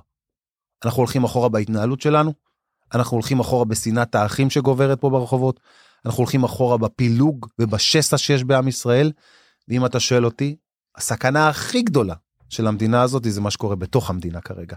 לא מפחד מאיראן, ולא מפחד מחיזבאללה, ולא מפחד מחמאס, ולא מפחד מכל האויבים שלנו. אני מפחד יותר מהכל, מהקרע הפנימי שיש בעם ישראל. ואתה שואל אותי אם הקרע הזה משפיע בכל תחומי החיים? התשובה היא חד משמעית כן. זה משפיע בספורט, זה משפיע בעבודה, זה משפיע בכבישים, זה משפיע בתוך המגזר הערבי, וזה ימשיך להשפיע בכל מיני מקומות, כי אנחנו שומעים את כמות הרציחות במגזר הערבי, הכל בסוף משפיע. עכשיו, השאלה היא אחת, האם אתם חושבים שאחריות, כמו שאמרנו, שהאחריות מוטלת על כולם למה שקורה כרגע. האם אתם חושבים שהאחריות לתקן את המצב מוטלת רק על הממשלה, או רק על נבחרי העם אה, בקואליציה? לא, היא מוטלת על כולנו. היא מוטלת על הקואליציה, על האופוזיציה, היא מוטלת על התקשורת, היא מוטלת על המנהלי ספורט, היא מוטלת על מנהיגי החברה הערבית, והיא מוטלת על כל אחד ואחד מאיתנו במדינה. למה? כי אנחנו עם אחד, שותפי גורל, צריכים פה לפעול בערבות הדדית. דבר טוב שקורה למדינה, כולם נהנים, דבר רע שקורה למדינה, כולם סובלים, ואם לא נפנים את זה, לא נגיע לשום מקום. ואני קורא לשינוי השיח כבר יותר משנתיים, אני חושב, כמעט שנ... שלוש שנים. אתה עשית את השינוי הזה. אני מדבר על זה, כי אני הרגשתי את השינוי. אני מרגיש, מי שאני זוכר את עצמי בחיים הציבוריים, ברמה הארצית, שמונה שנים, אני רואה את ההידרדרות. וזה הגיע לשיא. היום אנחנו בשיא של כל הזמנים בהידרדרות הזו. אם לא נעשה את התיקון, אני אומר לכם, חברים, לא יישאר פה כלום. מה זה לא נעשה? בוא נתקן. דבר אליי. אני באופן אישי אומר ככה, קודם כל, בוא נתווכח, אבל בכבוד. לא חייבים להסכים. אני ואתה חייבים להסכים? לא. אבל בוא נתווכח בכבוד. אבל למה בתוך הליכוד, בתוך הח... אם... כשאתה יושב עם החברים שלך, למה אתם לא, ויש לכם ראש ממשלה שהוא אה, דומיננטי, רבותיי, לא, לא מדברים ככה, מדברים כמו מיקי, הוא שולח אותך לרעיונות, כי אתה מדבר בצורה תרבותית. שמע, שינית- אי אפשר- שינית את עצמך בכלל את רגע, התדמית שלך. מיקי, נכון, אני- אי אפשר להתלהם ושהצד השני יקשיב. קודם כל, אני אומר עוד פעם, אם- עוד פעם, שיהיה ברור, ההתלהמות לא מגיעה רק מצד אחד, אני רואה מה קורה בהפגנות. לא שמעת את השפות האלה ב... אה, עזוב, עזוב, עזוב, אני מפאת כבודם. שמעתי וגם שמעתי אמירות לא רק גזעניות, גם מאוד מאוד קיצוניות. של חברי כנסת של מהשמאל? חברי כנסת מהשמאל וממרכז ומאיפה שאתה רוצה. ו- ו- מה, וקריאה- מרצדסים ורולקסים עזוב, וזה? זה- זה לא קשור, אני רק רוצה להגיד לך... מה לא קשור? תראה, הם, אני- הם אמרו מי נוסע ב-BMW? מה, לא, מה, אמ- מה, אמרו, מה? אמרו, אמרו, מה, אמרו, מה? אמרו דברים קשים, חכה, אני, אני לא רוצה לצטט גם לא, לא את שלי ולא את שלהם. אבל תזכור דבר אחד, רייגן אמר, לא אני, לעולם אל תתקוף חבר מפלגתך. אני לא אעשה את זה, אני לא אשב פה ואחלק ציונים לחברי המפלגה שלי. ואני לא אחלק ציונים גם לחברי השמאל ולא לאף אחד. אני רק אבוא ואומר, שאם לא נפנים, ומוטב שעה אחת קודם, שהקרע הזה בעם ושנאת האחים שיש פה תחריב פה הכל, זה בדיוק מה שיקרה. כן, אבל מיקי, מצד רגע, שני... זה רגע, בדיוק אז מה אני- שיקרה. אז אני עכשיו שואל אותך. אתה אומר את הדבר הזה, והפתרון הראשון, זה, ונגיד שהרפורמה זה מלחמה עם איראן, אוקיי? ולא אה, שולחים לשם טיל כי לא רוצים שתהיה מלחמה. בוא נעצור, ניקח מנוחה חצי שנה, זה שנה, בדיוק כמה מה שצריך. שעשינו, אבל לא- לא לא יודע אם לשנה, אבל למה עצרנו? אבל מה אתם, אתם עומדים שם, אנחנו- עצרתם אנחנו- ואתם מאיימים. אנחנו יש- לא, לא, אנחנו השעינו את הרפורמה, לא כי חשבנו שהיא לא טובה. אנחנו באמת מאמינים ברפורמה ובצורך אתה שלה. מאמין? אתה מאמין ברפורמה הזאת? אוקיי, בטח, רפורמה לא, בצורך שלה נדרשת. סבבה, חלקנו... הרפורמה הגדול נדרשת, מאמין. הרפורמה נדרשת, אם לא נעשה את התיקון הזה, המערכת המשפטית תמשיך להיות סופר אקטיביסטית. מה, 140 אה, חוקים האלה? כן, לא, כפי לא, שהוצג לא, לא. בהתחלה באמת, לא. זו השאלה. אני אגיד לכם משהו, הבעיה היא במערכת המשפטית היא אחת, שתי בעיות. אחד, סופר אקטיביסטיות, זאת אומרת, בכל החלטה כמעט הם רוצים להתערב. אוקיי, והחלטות, וזה בניגוד לעמדת הרוב בציבור okay. אוקיי. שמקבל החלטות. הדבר השני שהוא בעייתי זה הגיוון שם. Okay. אוקיי, אתה תראה את שופטים שמגיעים תמיד מאותו אזור חיוג, אוקיי, עם עמדות דומות, אוקיי. מאזורים שונים. אוקיי. אלו הבעיות. זה נפתר- זה אפשר לפתור? אז זה מה שאנחנו רוצים לפתור, לא מעבר לזה. ב-140 חוקים? לא, לא 140 חוקים, לא נכון, ה-140 חוקים מה, שהגענו- באתם בחודש אחד, לא, 140 אני חוקים. רוצה ללמד אותך אה, סוד בפוליטיקה, כי אתה איש ספורט, לא אה, פוליטיקאי. יורים למעלה בשביל למרות שאחרי זה- שהשמועות שאתה גם מבין קצת פוליטיקה. מאוד. אולי פוליטיקה של הספורט, לא יודע. פעם רצו אותי אה, לפניך, כן, כן. עוד רצו אותי כן, בליכוד. כן, אני יודע, אני יודע. אולי עוד נביא אותך, לך תדע. אבל אני כבר רק רוצה חטיאר. לומר, אני רק רוצה לומר, שאותם חוקים האלה נקראים... אני לא רוצה להוציא לך את התעודת זהות שלי. אוקיי. אתה יודע שאני מבית נו, רוויזיוניסטי. באמת, אני יודע, זה אני יודע. אוקיי, ההצעות חוק הן לא הצעות חוק, הן נקראות הצהרות חוק. אוקיי. מה הכוונה? אנשים זורקים חוקים, מציעים בשביל השקרה לדבר קצת לציבור, אבל הם לא מקדמים אותם באמת. אני שואל אתכם שאלה, ותענו לי. יש כנסת, ארבעה חודשים העברנו עשרות או מאות חוקים, אני אפילו לא יודע את המספר. כמה חוקים מהם עברו שהם אנטי-ליברליים? שבניגוד לעמדות ליברליות שאני ואתם מאמינים בהם. ת- כמה חוקים? לא יודע, זה לא מעניין עברו אותי. גם. לא. לא. אני- אפס. אני רוצה... אפס חוקים אנטי-ליברליים. אתה יודע למה? נו, יש לנו יושב ראש פרלמנט גאה, שהוא מגיע מהליכוד. אני, כשאני רואה את העובדה הזו, אני רק אומר לכולם, חבר'ה, שימו לב, אתם קוראים לנו חשוכים, אנטי-ליברלים, אנחנו שיא הליברליות. רק דבר אחד צריך להבין, כשאנחנו מרכיבים, חצי מהקואליציה, לא כשאנחנו לשכוח. מרכיבים קואליציה, חצי מהקואליציה. כשאנחנו מרכיבים קואליציה, אבי מעוז, ראית מה הוא אמר עליו חברים. בימים האחרונים. עמדות אחרים, הן לא מייצגות את עמדות הליכוד, שיהיה ברור. אבל הם כשאנחנו חלק מרכיבים- מהממשלה. אה, נכון. למה? אני רוצה להסביר. כשאנחנו מרכיבים קואליציה, אתה צריך קודם כל ל- ל- ל- למצוא בצד השני שותפים שמעוניינים לשבת איתך. נכון להיום, אתה, אתה רצינו לקיים קואליציה, באים אחרים, אומרים לא, אנחנו מחרימים אתכם, לא יושבים איתכם. חברים, תודה רבה, לא איתכם, הקמנו אותו. קואליציה. אני מבחינתי לא מוכן שיחרימו מי שנבחר על ידי רוב מתפקדי אוקיי. הליכוד, שבחרו בו מיליון אנשים. עם כל אוקיי. הכבוד. אתם מחרימים, אז אתם יושבים עכשיו באופוזיציה. אז עכשיו אתם טוענים שהקמנו קואליציה שאין בה את מגוון הדעות הרחב, אלא רק עמדות ימין. אז כל הכבוד למי אתם מלינים, זה פעם אחת. פעם שנייה אני גם אומר, אני לא יכול לשבת בקואליציה עם מרץ, אני לא יכול לשבת בקואליציה עם מפלגת העבודה, אני לא יכול לשבת בקואליציה עם בל"ד או עם, עם הרשימה המשותפת, אני לא יכול לשבת אבל איתם. אתה יכול עם יאיר לפיד ואתה יכול עם בני גנץ. הם אלו שפוסלים. צריך להבין, אם אלו לא היו פוסלים אותנו, והיו מוכנים לבוא לשבת איתנו בקואליציה, יכול להיות שהסיטואציה הייתה שונה, גם מבחינת הקרע בעם, גם מבחינת בטוח, המאבקים. בטוח. בטוח. אבל הם לא רוצים. למה? צריך להגיד גם פה את האמת, כנראה שהאינטרס הפוליטי הצר לפעמים גובר על השיקול הרחב. ופה אני אומר בצורה ברורה, הקרע בעם צריך להסתיים. האחריות היא של כולם, קואליציה, אופוזיציה, תקשורת, ללא יוצא מן הכלל. אני מקווה מאוד שאנשים יפנים. אתה בעצמך אמרת בימים האחרונים שהרפורמה חשובה לפחות כמו הסיפור של יוקר המחיה. עוד פעם, דבר שהוצא קצת מהקשרו. אבל אמרתי בוא שזה נשמע. חשוב מאוד, כמו שחשוב יוקר המחיה, ואז... אתה יודע הפכו את כמה זה. הלך עליו היום? אני יודע, ואני אגיד לכם משהו. יוקר המחיה זה משהו שאנחנו מטפלים בו בצורה מאוד מאוד אגרסיבית, ואתם תראו את התוצאות אחרי דוד אישור ביטן תקציב אומר דברים המדינה. אחרים. דוד ביטן, דרך אגב, דיבר יפה מאוד לגבי החזירות של הרשתות. אחד מה... קודם כל, יש מספר מרכיבים שגורמים ליוקר מחיה. דרך אגב, אתה יודע, הוא ב- הוא אחד האנשים ההגיוניים בליכוד. אה, יש כאלה שחושבים כמוך, יש כאלה שחושבים אחרת, אבל אין בעיה, אני רק רוצה להגיד שבסוף דוד ביטן, בתוך ועדת הכלכלה, אם על זה נדבר, עושה עבודה לא רעה בכלל, נכון. בכל מה שקשור לטיפול ביוקר המחיה. ברור, אוקיי. נכון? כאילו. ואני אתה רוצה צודק, להגיד, דוד ביטן מה עושה עבודה שמגיע טובה. לו מגיע לו, אבל אני... תוצאות? אז אני אומר כך, הוא לא לבד. שלושה פרמטרים ביוקר המחיה, שאת זה אנחנו צריכים לעשות. אחד, רגולציה מאוד מאוד גבוהה של המדינה, אנחנו צריכים להפחית רגולציה, זה תמיד היה בראש סדר העדיפויות שלנו. שני, זה כל מה שקשור למכסים ומיסים שאנחנו מטילים על מוצרי יבוא, פתיחת התחרות והפחתת מכסים מורידה מחירים. והדבר השלישי, חזירות של רשתות. שלא תענה עוונות, יש חזירות גדולה בקרב הרשתות שרוצות למכור ביותר יקר, למרות שהם מרוויחים לא רע גם במחיר פחות טוב. רגע, רגע. אתה ראית פעם מאזן של רשת, לא משנה מי עכשיו, אה, רמי לוי זה מכוחותיך, אבל שופרסל ואלה, הם בסוף החברה מרוויחה אחוז, שניים, שלושה. ממש לא. רגע, אבל המספרים אתה שלהם יודע, טובים מאוד, אתה יודע, זה טובים מאוד. אולי משכורות שם, ודברים טובים כאלה. מאוד, טובים מאוד. אבל הרווח בסוף של החברה הוא אחוז, שניים, שלושה. אז אני אומר לך, תבדוק רגע, את זה. אתה יודע בכמה תנובה מוכרת לגדה, באיזה מחירים, הרבה פחות. ובאיזה מחירים היא מוכרת לארץ? תסביר לי למה זה. קודם כל, חזירות של גם- רשתות. גם לדתיים, אגב. מה? גם לדתיים הם קודם מוכרים כל, הרבה יותר. חזירות של הרבה יותר זול. רשתות, שאני מדבר, זה לא כמובן רק על הסופרים, ברור. אני מדבר על כל מי שמשווק מוצרי מזון בישראל. עכשיו תראו, כשאנחנו פותחים את השוק לתחרות, כולם מתחילים לבכות. אתם פוגעים בשוק המקומי, אתם פוגעים בחקלאים. אגב, הם צודקים, כי כשאנחנו פותחים... אולי בדרך התחרות. משהו צריך אבל אתה להשתנות, יודע מה קורה לחקלאי?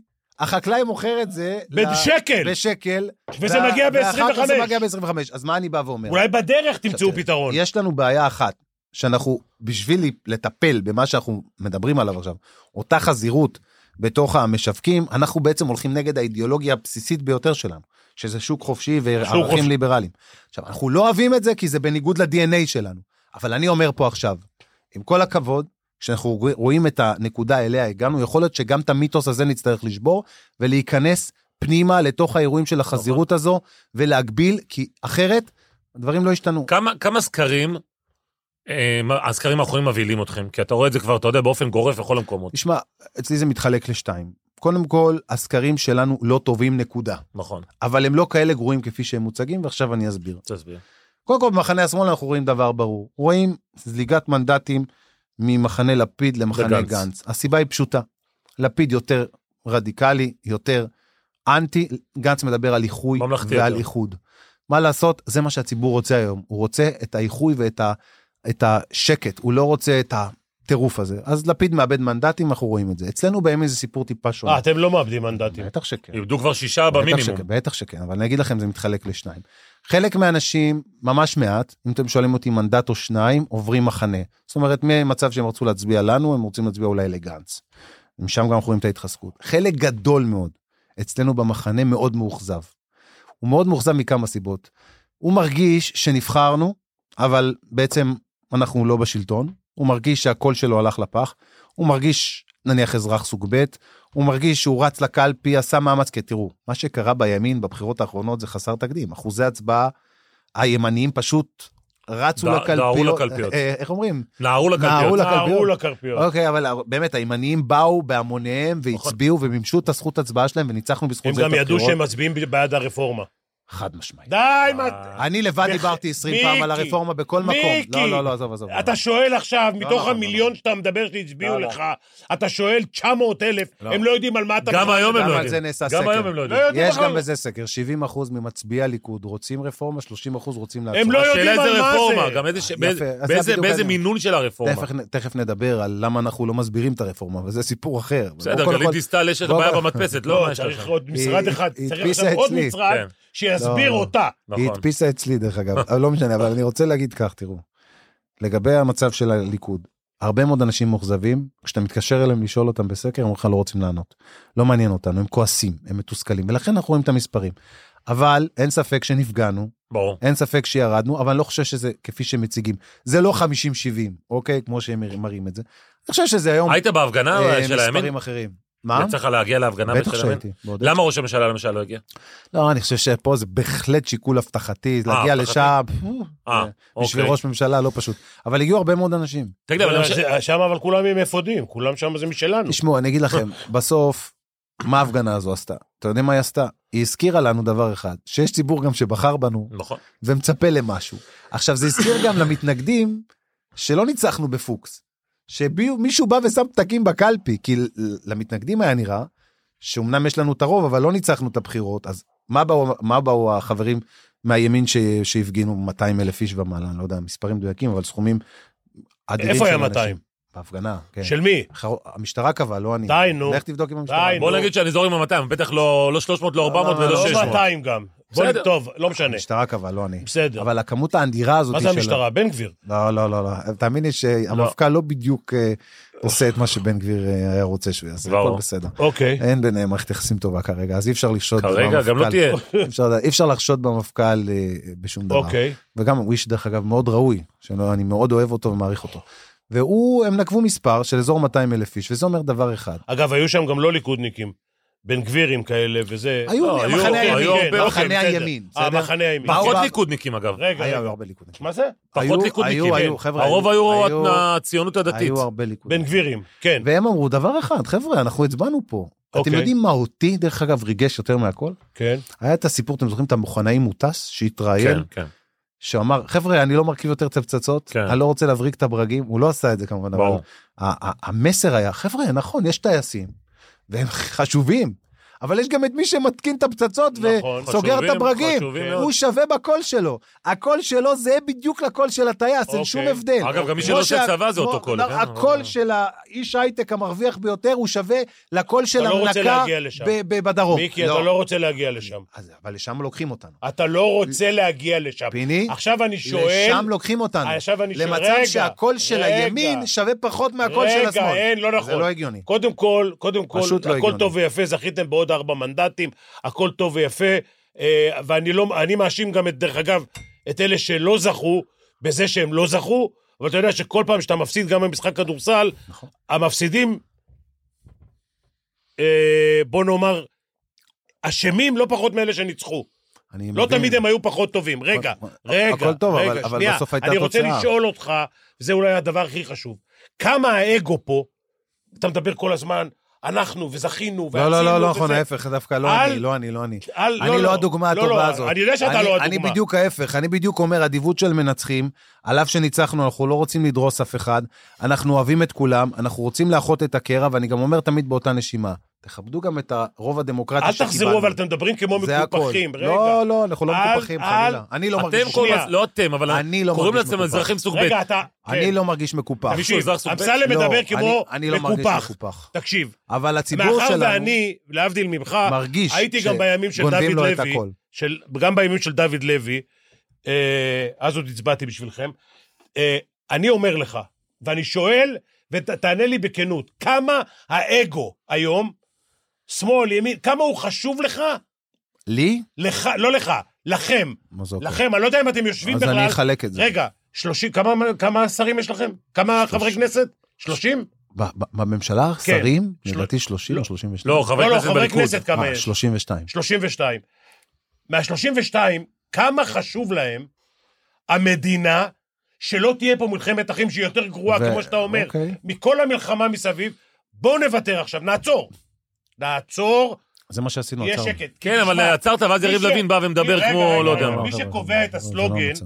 מי שקבע, וזה רק סלוגן, לא מאמין לאף אחד שאומר, לא רוצה להגיד לך גם לך, כי אנחנו חברים, אחים אנחנו. אתם לא מתנהגים כמו אחים. אה, לא, לא. אתם לא מתנהגים כמו אני אחים. לא מסכים. אם אתה אח שלי, תתנהג כמו אח שלי, אני הולך למות עכשיו. אתה ואני הולכים מכות, מישהו מאיתנו ייפול. נכון. אני רוצה שתעצור את זה. אני רוצה שאתם, אני לא יודע אם אתם יושבים בכלל 30 איש אני ביחד. רוצה להזכיר לך, אבל... כל אחד מדבר, אתה מדבר, אתה מדבר אוקיי. יפה, ההיא מדברת, מדברת מכוער, ההיא- השלישית מדברת כמו בהמה, כל אחד מדבר כמו שהוא יודע, כן? אני בטוח, גם אתה פעם היית מדבר ככה, והיום הת- התעדנת. לא, לא, אף אחד דרך אגב לא הייתי מדבר ככה. אני- לא, לא הייתי ככה. יותר אגרסיבי, אבל בסדר. לא- לא כמו היום. נכון. עכשיו אני אומר, אנחנו במלחמת, זה מלחמת אחים, נכון? זה מלחמת עולם. נכון. אנחנו ניפול, לא לא יהיה פה כלום, לא אין- יישאר כלום. אין ביני לבינך שום מחלוקת אתה בעניין הזה. יודע, אתה יודע שהיום, אתמול מישהו פרסם, שהיום 10 או 15 אחוז מההשקעה של ההייטקיסטים, של ההייטק, נשארה. אם השקיעו פעם, 20, ו- אחרי הקורונה, 26 מיליארד, היום השקיעו מיל, אה, בתקופה האחרונה מיל, מיליארד 600-700, משהו כזה. תגיד, אתם יודעים לאן אנחנו הולכים? אז עכשיו אני ברשותך, אני... כן. יאללה. אז קודם כל, יופי של נאום, פיני. אני חייב- מהלב, מהלב. חייב אה, לפרגן. אמרתי לך שאתה מתבזבז, אתה יכול להיות פוליטיקאי טוב, אבל בלי שום קשר, כל מילה בסלע. אני מתח- מצטרף לדברים, המצב קשה, לא טוב, לא פשוט. מי ביקש אה, לעצור את הרפורמה? מי קיבל את ההחלטה? אתה יודע מי? אתם. לא. אנחנו כן, אבל מי הודיע על זה ומי קבע את העובדה? בנימין. ראש הממשלה בנימין נתניהו. בנימין. השעה, השעה אה, עם ה'. למה? למה? למה הוא השעה אותה? הוא שרואה את לחץ הציבור. הוא בהכרח הבין שהמצב שנוצר הוא מצב לא טוב למדינה, ועם כל הכבוד לרפורמה שצריכה להתקדם ותתקדם בתהליך שאנחנו צריכים לקדם אותה, לא במהירות שקידמנו אותה, אנחנו צריכים לעשות הפסקה כדי להרגיע. וזה מה שהוא עשה, אז על זה הוא לא קיבל הרבה קרדיט, אנחנו רק שמענו ביקורת כל הזמן כלפיו, אבל הוא קיבל את ההחלטה המנהיגותית הזאת, אגב, זו לא החלטה קלה, כי אצלנו במחנה יש הרבה שכעסו על ההחלטה, נכון. וגם כנראה שכמו שאמרתי לך, אנחנו רואים את זה בסקרים. זה לא הב- המעבר של מצביעי ימין רק לשמאל, כפי שאתם חושבים אולי. זה בהכרח גם פגיעה וכעס של הציבור שלנו שמרגיש שלא מימשנו את, ה- את ההבטחה שלנו. אבל חכה, תן לי להשלים. לא, אני רוצה אז- לשאול שאלה אז מנחה. רגע, שאלה אוקיי. מנחה, מיקי. אוקיי. הציבור שלך, הם בחרו את בקשי, זה שיושב שם מקהלת, מקהלת. הם בחרו אותו לקבוע מי יהיה רגע, רגע, נו, ברפורמה ומה לא. בסדר, בקשי הוא סך מה? הכל נותן עצות. אה, נותן עצות. ההחלטות הן שלנו, זה לא קשור. הבנתי. אבל רק תרשה לי כן. להגיד לך, שכשאנחנו החלטנו לעשות השעיה של הרפורמה, עשינו את זה מתוך רצון לאחות את הקרע, קודם כל. מס- משום שראינו מה קורה במדינה. וקודם כל אני חייב לומר שאני גם גאה בעם שלי. נכון, אנחנו רבים, אבל ידענו לעבור את יום הזיכרון הזה עם כל הקטנות אני האלה פחדתי שהיו. ממנו. בצורה מעוררת כבוד. עם כל הוויכוחים, אנשים הצליחו לשים את זה בצד, וזה היה באמת מבחינתי חשש גדול. אני ביקרתי אגב בחמש או שש מקומות, הכל היה, כל הטקסים, אבל אתה הכל מבין, בגלל עבר שאתה חלק. טיפוס ממלכתי יותר, לא, לא, אז לא, גם אצלנו, אז גם התנהגו אצלנו. לך בצורה גם אחרת. אצלנו, אתה היה מבין? אירועים קצת בבאר שבע. בסוף, בסדר, אבל זה לא אתה, בקטנה. זה- בן אבל- גביר הדליק את אבל האווירה בסוף- שם. בסוף ראינו ש, שזה עבר בצורה סבירה, ואפילו טובה. ומה שאני בא ואומר, זה שכל הסיפור הזה שאנחנו מדברים עליו, רפורמה, לא רפורמה, הרגע שזיהינו שזה באמת גורם נזק לעם ולאחדות העם, אז החלטנו לעשות השעיה. אבל אני רוצה להסביר שוב, לא יכול להיות שמישהו יחשוב שבגלל שהוא מאיים בלא להגיע לצבא, או שהוא לא רוצה להשקיע פה את הכסף שלו, או שהתקשורת עוינת, שאנחנו נוותר על הזכות הדמוקרטית שלנו לממש מדיניות. הדרך שאנחנו צריכים לעשות את זה, וזה כאילו הבעיה הגדולה, ואתה דיברת על זה בדיוק, זה לא עם האצבע בעין. הטעות הגדולה, ועל זה אני מודה, שכשהתחלנו לקדם את הרפורמה, עשינו אותה בצורה קצת יותר מדי, קצת. מה שנקרא... ראית את רוטמן בכל הישיבות? קצת אה, יותר מדי קנטרנית. היינו קצת יותר מדי להראות לחבר'ה שהפסידו, הנה עכשיו אנחנו מראים לכם.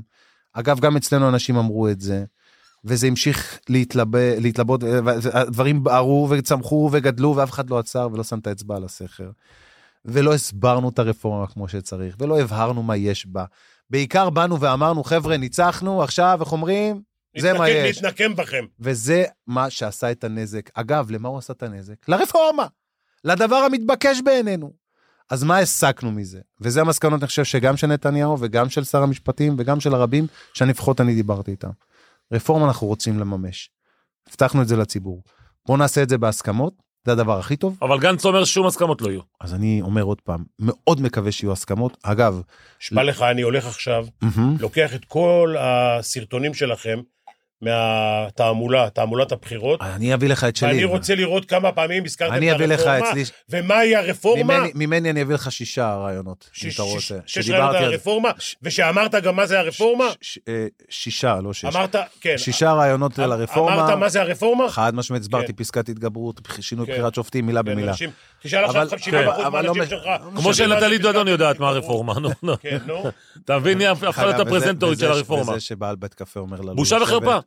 מה, לאן הגענו? בושה לאן וחרפה. הגענו? אפילו לתת... ל- אבל ל- לאן הגענו לתת- שנתנית דדון היא אל תיכנסו הפרזנטורית של לזה, הרפורמה. אל תיכנסו לזה, לא, זה אבל- לא- זה לא אני נכון- זה נכנס לא נכון לזה. לשני הצדדים. אני אגיד לך משהו, זה לא נכון לעם שלנו. זה לא נכון למדינה שלנו, הקרע. כן, הזה. אבל לקחת את זה עוד פעם ל- ל- לא, לא. ל- ל- לקטע הזה של רגשי ה- נחיתות. של אבישי בן חיים, אין פה- מזרחי, לא אין פה מזרחי, נראה לך? אני אומר זה יכול היה לך, לקרות אני- באותה אני- מידה אני קודם- אה, אני- איתי, אני- כאילו, אני לא מה? מקבל את ה... קודם כל, אני אני לא אוהב את הטענות מזרחי, לא מזרחי. ממש לא. אני לא אוהב אותן. שמע, אני ופיני הגענו אני במקומות אמרתי את זה כבר הכי כמה פעמים. נמוכים שיש אמרתי את זה גם במדינה אני- הזו. אני גם אתה הגעתי, יודע שאני אלוף אירופה היחידי שהוא מרוקאי? נו, אני יודע, הכל בסדר. אתה מבין? אני גם הגעתי מקריית גת, ואני גם מרוקאי וחצי טוניסאי, והכל בסדר, אין לי תלונות, לא קופחתי, הכל...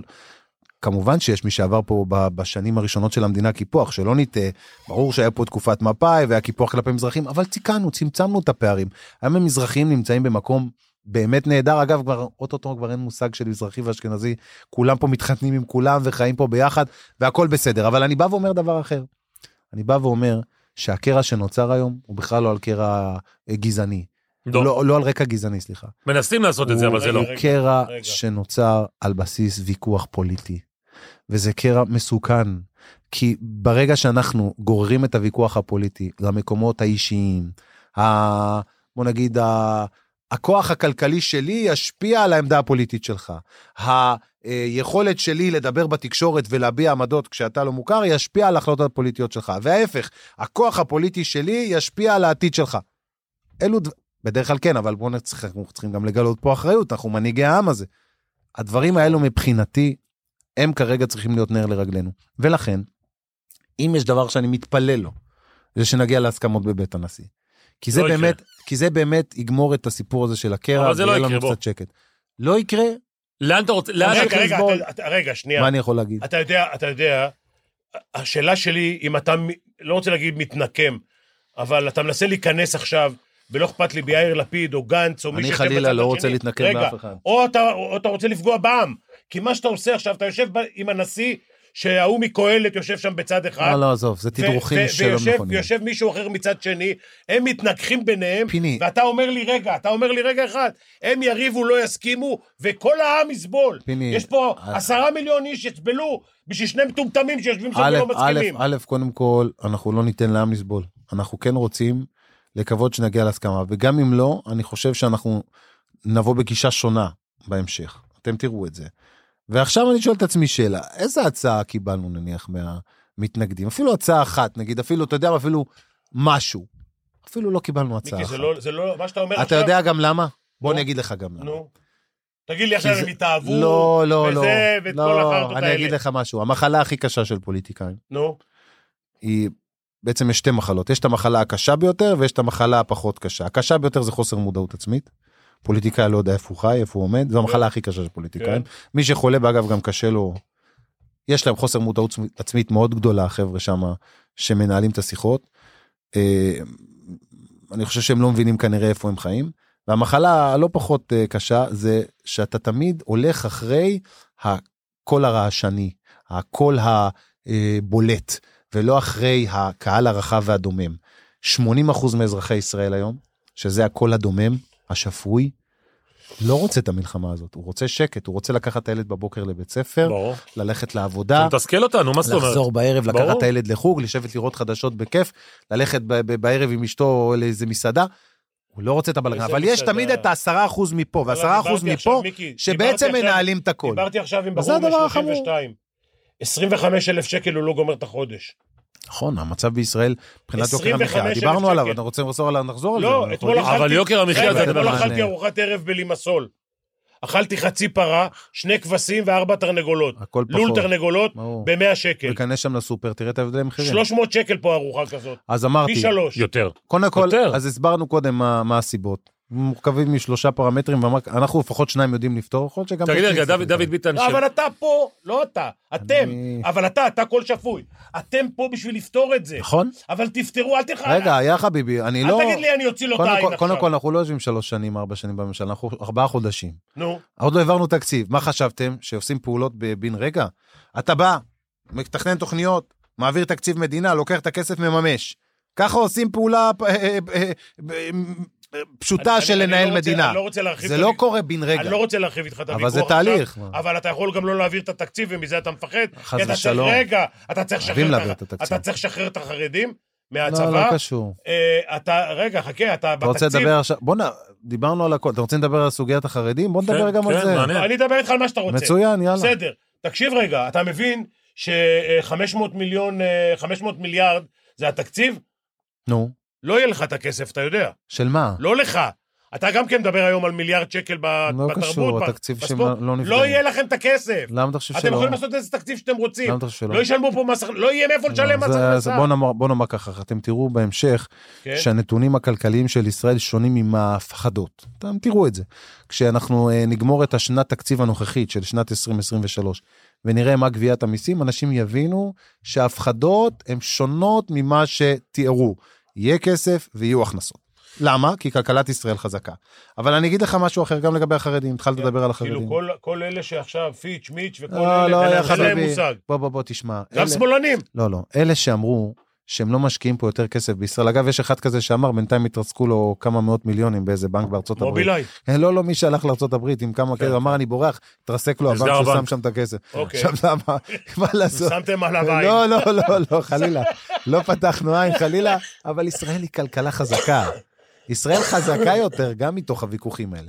עכשיו, אם יש כמה חברים מההייטק שהחליטו שהם לא רוצים להשקיע את הכסף פה וישקיעו אותו בחוץ לארץ, זה לא מה שהולך לשבור את ישראל, יש הכנסות מעולות מהרבה מאוד מקומות, ואגב, אני מבטיח לך שהחכמים מביניהם, ולא הפוליטיקאים מביניהם, ימשיכו להשקיע כסף בישראל, כי ישראל זה מקום מדהים להשקיע בו כסף, אבל זו לא אתה הסוגיה. מתחיל להדאיג אותי. לא, לא, אל תדאג. התחלת לדבר כמו סמוטריץ'. לא, לא, לא, לא, לא, לא, אני מדבר... אני מקווה שאתה מדבר- באנגלית היותר טוב. לא, גרן מייזר. אתה יכול- אתה יכול לבחון אותי, אה, אני- דווקא האנגלית שלי לא רעה. אני יכול אולי להגיד לך זה בגלל ש- שהייתי מדבר עם בדקתי- זרים כל הזמן. בשביל בדקתי להבין. איך סיימת משפטים, אמרו לי בהצטיינות. שני תארים, דרך אגב. אבל אמרו עזוב, לי, מיקי, אבל תיגע לנו רגע באמת לסיפור של בסוף החרדים. חרדים. תראו, תראו, קודם כל אני רוצה להבהיר- להבהיר דבר אחד. הסוגיה החרדית ברור שהיא נפיצה, אפשר לעשות על זה פוליטיקה. עכשיו אני שואל את עצמי דבר אחד, מי שחושב שצריך לומר דבר רע על מי שבוחר ללמוד תורה מבוקר עד ערב, אני לא מקבל את עמדתו. מי שרוצה ללכת ללמוד תורה מהבוקר עד הערב, מבחינתי מבורך. אוקיי. העם הזה והמדינה הזאת היא נבנתה בזכות אלו שלאורך כל השנים בגלות שמרו על העיקרון הבסיסי הזה של היהדות שלנו. ללא זה לא היה לנו פה כלום. וכשהקמנו את המדינה הזאת, היו לומדי תורה, הייתה הסכמה ללומדי תורה, היו מכסות ללומדי תורה, אז לא להיות יפה נפש. כמה? 500? ואני אתן לך עוד נתון. 500. אני אתן לך עוד נתון. 500. בוא עכשיו תביא את בני גנץ ויאיר לפיד, תגיד להם, חבר'ה, כל מה שאתם צריכים לעשות, תעבירו את חוק הגיוס, איכשהו, קצת יותר קיצוני. נכון, בשביל להיות בממשלה. תשבו בממשלה בלי הליכוד וזה. הם יגידו כן או לא? כן, יגידו כן. אז בואו, אז בואו, איך בסדר. אומרים? טיפה פחות, אה, אתה מה שנקרא... צודק, יו- בזה אתה אה, צודק. עכשיו בואו נדבר על הסוגיה עצמה. רגע, עכשיו אני רוצה לשאול אותך. אני- עכשיו אני מדבר על אפשר- הסוגיה עצמה. אפשר תקבל את התשובות. לחיות, אפשר לחיות עם אה, 50 אחוז מהאוכלוסייה לא עושה צבא, לא משלמת מיסים, רגע, לא, לא, להגיד שהם לא משלמים מיסים זה גם לא נכון. קודם כל, המס העקיף שהם משלמים... שילמדו כמה שהם רוצים. תשמע, תשמע, האנשים האלה שהולכים ללמוד תורה ובוחרים להקדיש את החיים שלהם ללימוד תורה, כן. הנשים שלהם כולם כמעט ללא, יוצא- מה זה כולם? עובדות. עובדות. הם רוכשים וקונים מוצרים, משלמים 17% על כל מוצר שהם רוכשים, המס העקיף שלהם הוא באמת מאוד משמעותי במיליארדים על גבי מיליארדים. וגם הרבה מאוד גברים היום חוזרים ונכנסים לשוק העבודה בגלל יוקר המחיה וקשה להם לגמור את החודש. ובסוף, אם אתה לוקח את כל הקצבאות של כל האברכים, כשאתה מדבר על איזה 1,500 או 1,400 שקל לאברך, אתה לא מגיע לסכומים כמו שהם מתארים בעשרות מיליארדים. כמה אה, מהם? כמה כמה, מקבלים? כמה מיליארד, לדעתי עם 2 או 2.5 מיליארד שקל. עכשיו תראו, כל זה שים בצד. עכשיו בוא נדבר רגע אחד רק על הצבא. אני שואל אותך שאלה, אתה בא היום לרמטכ"ל, אתה אומר לו, תשמע, יש לי בשבילך 50 אלף חרדים. גייס אותם, מה הוא אומר לך? בוא נצטרך אותם. אני- בדיוק את התשובה שאתה אתה רגע, רגע, תדבר. רגע, רגע, מה רגע, יעשה אני איתם? לא רוצה אותם. רגע, אני אומר לך לא רוצה. אוקיי. אבל שיעשו שירות תסחבו- לאומי. תסחבו את המיטות בבית חולים. אבל תקשיב, הם, הם אומרים לך, החרדים, אנחנו רוצים מכסה של אנשים של לא צריכים אותם, לא ייקחו אותם בצבא. אגב, הם עזוב אותי לא צבא. רוצים להיות לוחמים. תסחבו מיטות בבתי חולים. אבל הם אומרים בצורה ברורה שהם מוכנים לייצר מנגנון אכיפה שמוודא שכל אותם 10,000, 8,000 חרדים יושבים מהבוקר עד הערב ולומדים תורה להצלחת עם ישראל. עכשיו, אני אומר לך שבעיניי זה לא פסול. ואתה מאמין. לא, אני אגיד לך, זה, זה השאלה. השאלה היחידה שאותי מטרידה, אמרתי את זה להם, מה האכיפה? האם באמת אותם אנשים שמקבלים במכסה, יש מישהו שבודק שהם באים ב-8 בבוקר לכולל וחוזרים ב-10 זה בלילה כמו המורחקים מהמשטרה, אותו זה דבר. לא. מבחינתי אני הדבר... אתן לך תמונות זה מבחינתי, בכוללים, נו. זה מבחינתי הדבר החשוב. יש ספרים עכשיו, פתוחים, עכשיו, אין- אין בן אדם. עכשיו אני אגיד לך למה זה הדבר החשוב מבחינתי. אצלך בפרדס כץ. לי זה חשוב. למה זה חשוב? משום שבאמת אני מאמין שאנשים שבאמת מוכנים לשבת מהבוקר עד הערב בכולל וללמוד, זו משימה לא פשוטה. זה לא קל, תנסה לשבת וללמוד כל היום, זה לא דבר פשוט. לקחו על עצמם כזאת משימה למען הצלחת העם שלנו, למען שמירה על המורשת ועל היהדות שלנו, לא תשמע אותי מתנגד לזה, ובלבד שזה גם מתקיים. ולכן אם אתה שואל אותי בסוגיה החרדית מה צריך לעשות, צריך לפתור אותה. אי אפשר להשאיר אותה ככה פתוחה. אגב, כשנפתור אותה, האמן לי שלצד המחאות של המתנגדים, אלה שיודעים שבעתיד הם ישבו איתם באיזה קואליציה, יגידו, וואו וואו, סגרו לא, עזוב לנו אותי איזה מהפוליטיקה, בעיה, כי כמו שאחר שאמרת, כך אנחנו נצטרך להתמודד פוליטיקה, איתה כמו אתה גם שאמרת, ככה. פוליטיקה. הפוליטיקאים מהצד השני ייתנו להם אותו דבר. אה, אני, הבעיה שלי, ואני אגיד לך משהו, אתה- כמו שאתה יודע, או שאתה לא יודע, לא חשוב, יש לי עמותה שמחלקת עשרת אלפים מנות אה, מבורך, אה, בפסח וראש השנה. מדהים. אני לא רוצה להגיד לך כמה מהם הם אה, חרדים.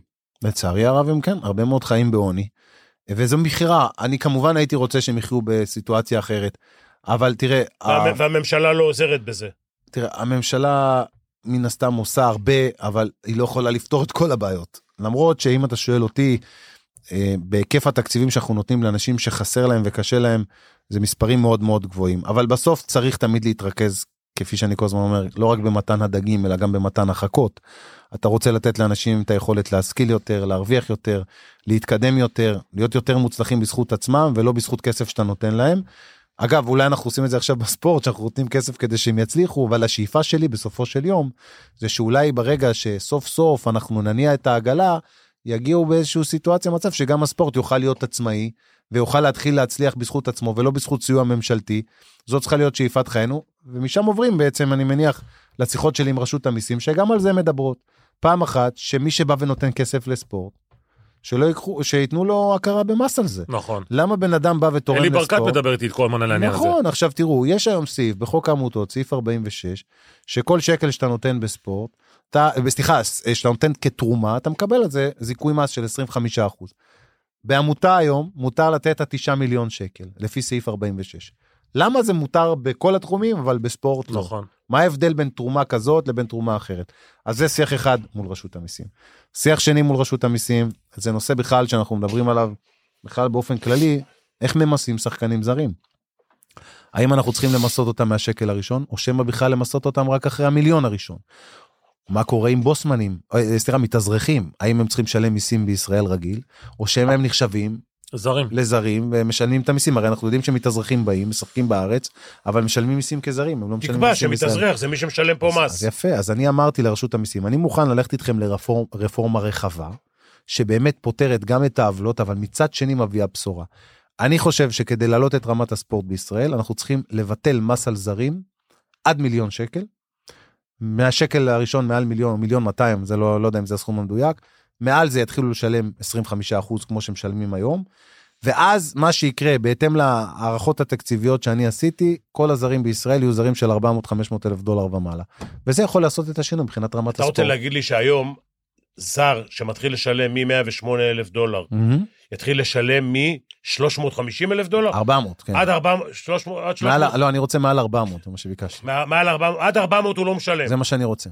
זאת אומרת, האגודה לא משלמת. לא, אף אחד לא משלם. הכסף הזה הוא בסופו של דבר... ילך בדרך כלל לשחקן. האגודה משלמת, אני כבר נכון, אומר. היא 25%. סופגת. הוא- ואז מה קורה? היא מפחיתה בתקציב שלה, הוא כי היא צריכה רוצה- לשלם את המס. הוא רוצה, כן, הוא רוצה כסף נטו, לא מעניין אותו נכון. מה משלמים עבורו. נכון?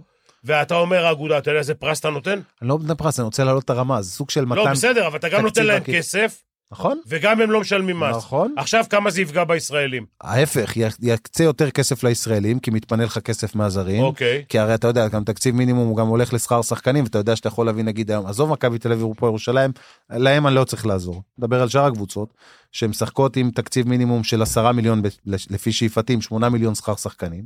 ואז אתה יודע, כי זה גם התנאי, אתה נותן 10 מיליון, 8 מיליון הולכים לשכר שחקנים. כן. ואז אתה יודע שאתה יכול להביא 4 זרים כדי לזכות בזה. דרך אגב, אדלסון יש לו כסף פי 40 מהתקציב שלך השנתי. לא חסר לו, ברוך השם. פי 40? פי 100. שיהיה לו לבריאות. פי 100. ואתה בא ואומר שהבאת את הזרים נניח, סתם דוגמה, ב-4-5 מיליון שקל על- לפי הקריטריון כן. הזה של 400-500 אלף דולר, נשאר לך עוד 3 מיליון שקל לישראלים, אתה יודע כמה משלמים היום לישראלים? אני יודע הכל. אולי מיליון וחצי אם אני לא טועה, או שניים לכל היותר, אז פתאום אתה נותן להם עוד 50 אחוז תוספת, זה אומר שגם הישראלים מרוויחים יותר. זה ווין ווין לכולם. הספורט הישראלי ייראה אחרת, ייראה אחרת. תוסיף על זה גם את הגדלת הקבוצות בליגה, ש- ש- בליגת הכדורסל, שמדברים על 13 או 14 קבוצות בעונה הבאה. עוד ישראלים על הפרקט, הפחתת זרים, עוד דקות לישראלים. בסוף אני, איך שאני לא מנתח את זה, זה ווין ווין ווין. אתה קצת יותר ספקטי, אה, אה, סקפטי, אבל נראה בעתיד. חוק הספורט. חוק הספורט, מה לגביו? ילד בגיל 15 יכול ללכת לאן שהוא רוצה, מתי שהוא רוצה, איך שהוא אני רוצה. חושב... אוקיי. למה אתה רוצה שמישהו ירצה לגדל אותו? אני חושב שהדבר הזה חייב להשתנות. אוקיי. אם אתה שואל אותי, הסיטואציה הזאת היא שבה ילד בגיל מסוים כבר משוחרר וחופשי לא סבירה, אני חושב שמה שצריך לעשות זה כן לאפשר לו את האפשרות לבחור באיזה אגודה הוא רוצה לשחק, אבל בהשאלה, לא בהעברה. זה אומר, אני טיפחתי אותך מגיל צעיר, התפתחת, החלטת שאתה רוצה ללכת למכבי תל אביב, מותר לך מכבי תל אביב, הפועל ירושלים, לא משנה, קבוצת צמרת, לך. אבל בגיל 18 אתה חוזר לאגודת האם שלך. או לקבוצה משלם כסף. הבוגרת, או כמובן הולכים למין תהליך של תשלום אה, השבחה כזה או אחר. יאללה, שהם- תתחיל, מי תתחיל. ישלם אותו? תתחיל את זה. טוב אני מאוד. צריך להתחיל את זה? אתה, רק אתה. אתם צריכים להתחיל את זה. אתה צריך להגיד ל... אנשי תגיד לי, הספורט. מה דעתך על בעלי... רגע, רגע, רגע, עוד עוד דבר אוקיי, אחד. סליחה. אה, בליטא למשל, כל אחד, אני למשל, יכול להיכנס לגן ילדים ולבית ספר כדי לראות שחקן גבוה, או מישהו שיש לו שרירים לשחק כדורגל, ופה בארץ אני לא יכול להיכנס לבית ספר. יש דבר כזה התאחדות בתי הספר אצלנו, ואני מסכים שהם הגוף היחידי שיכול להיכנס, וזה לא נכון בתפיסה. אני כן רוצה אנשי ספורט שנכנסים לבתי ספר ומגייסים את התלמידים, אמרתי את זה גם קודם בריאיון, ואת הדבר הזה אפשר לעשות ועוד איך שאפשר לעשות בהחלטה מאוד פשוטה. אז קודם כל הסוגיה הזאת היא יכולה להיפתר גם דרך התאחדות לבתי הספר שנמצאת במשרד התרבות וספורט וגם באמצעות משרד החינוך. אז חד משמעית זה גם נושא זה בידיים שצריך- שלך. מצריך טיפול. נבדוק את זה. תגיד לי, שאתה רואה בעלי מועדונים שהורשעו בעבר ב- בפלילים או, או תוך כדי, זה גם נורמה פסולה.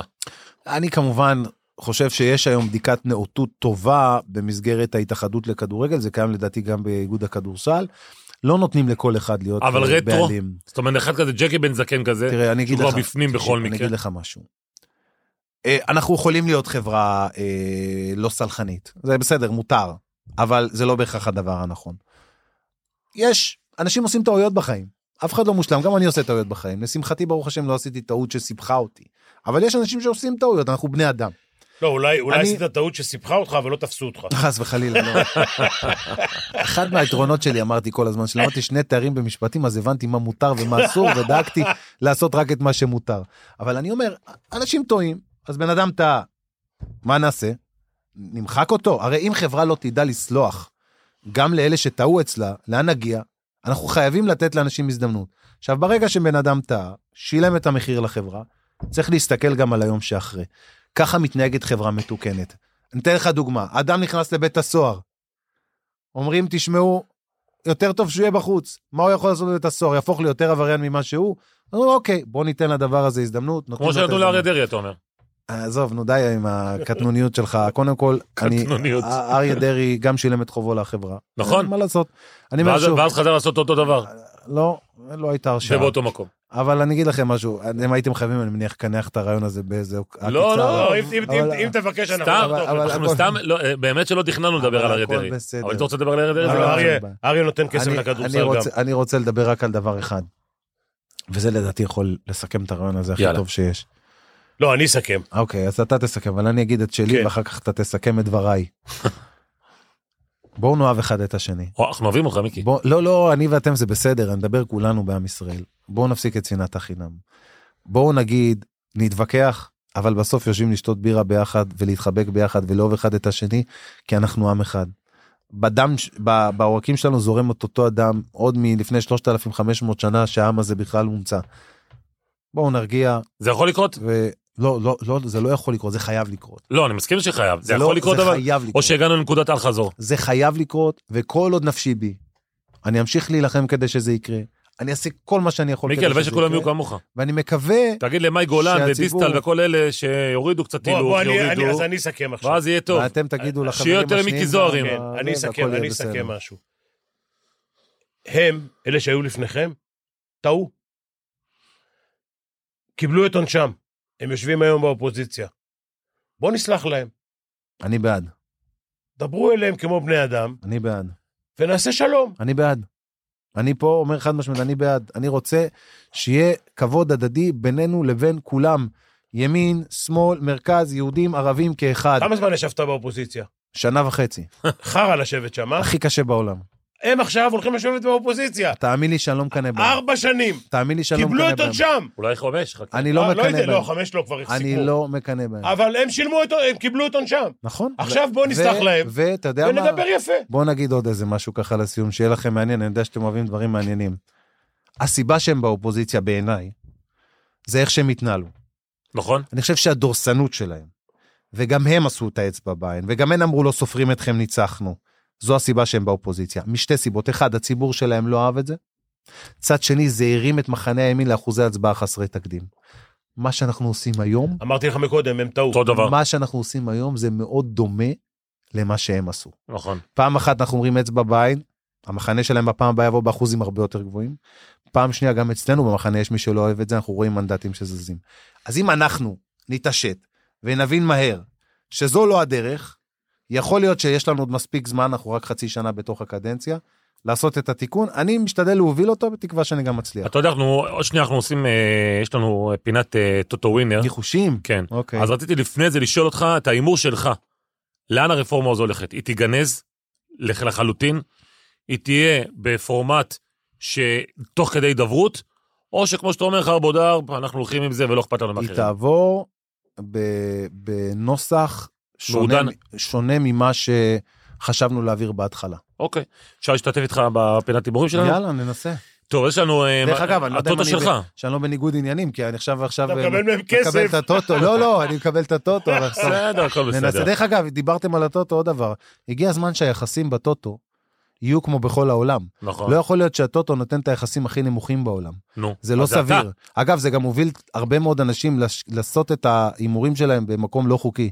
אז אולי גם את זה נשנה, זה גם אתה נושא יודע כמה שחשוב. כסף יש שם? המון. יותר מהתקציב שלך. אני יודע, אגב, הרבה יותר. אני, אני הרבה חושב יותר. שהם, אה, הטוטו גם צריך לתת לנו מענק יותר גדול לפיני וצנצי, אבל בסדר. זה שאלה כבר- טובה, כן, נבחן את זה. אה, תשמע, מבחינת האחוזים וכאלה חייב. טוב, אז יש לנו מכבי תל אביב נגד מונקו, אוט- אוטוטו המשחק.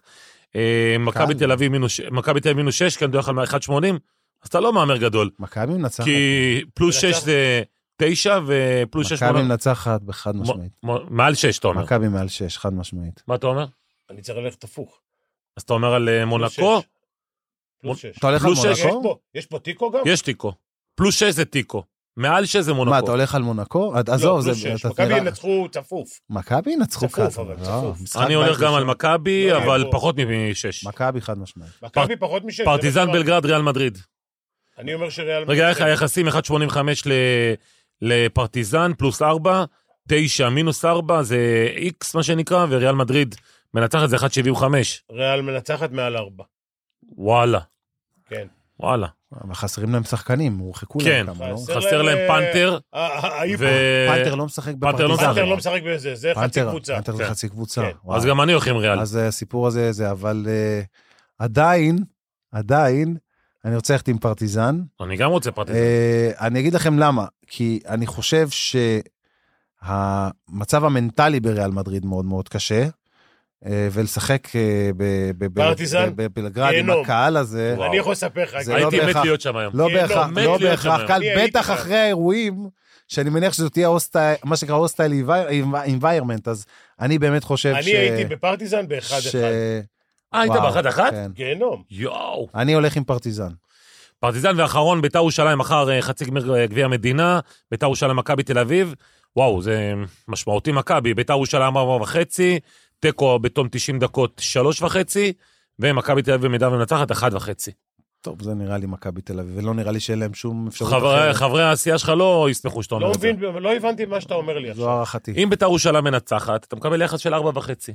עם לא- לא תיקו, מבין בזה. אחרי 90 אני אומר דקות. מכבי מנצחת. גם אני אני גם אומר, חושב. תיקו אחרי 90 דקות. טוב, יאללה, נבחן אחרי זה את מיקי, התוצאות. היה לנו כיף לארח אותך, תודה תודה רבה רבה גם שבאת לכם. מה זה ודיברת על תענוג? הכל. אתה רואה, שעתה- שעתיים אנחנו מדברים. אגב, אנחנו שעה- שעה- אנחנו שעה ועשרים, אתה רואה לך זמן עובר שנהנים? אתם צריכים לשדר רק חלק מזה עכשיו, לא? לא, משדרים את הכל. באמת? בטח. טוב, קרה לך? יאללה, שיהנו. תודה רבה. יאללה, אוהבים אותך. ביי, להתראות. תודה תודה רבה. רבה. אחלה.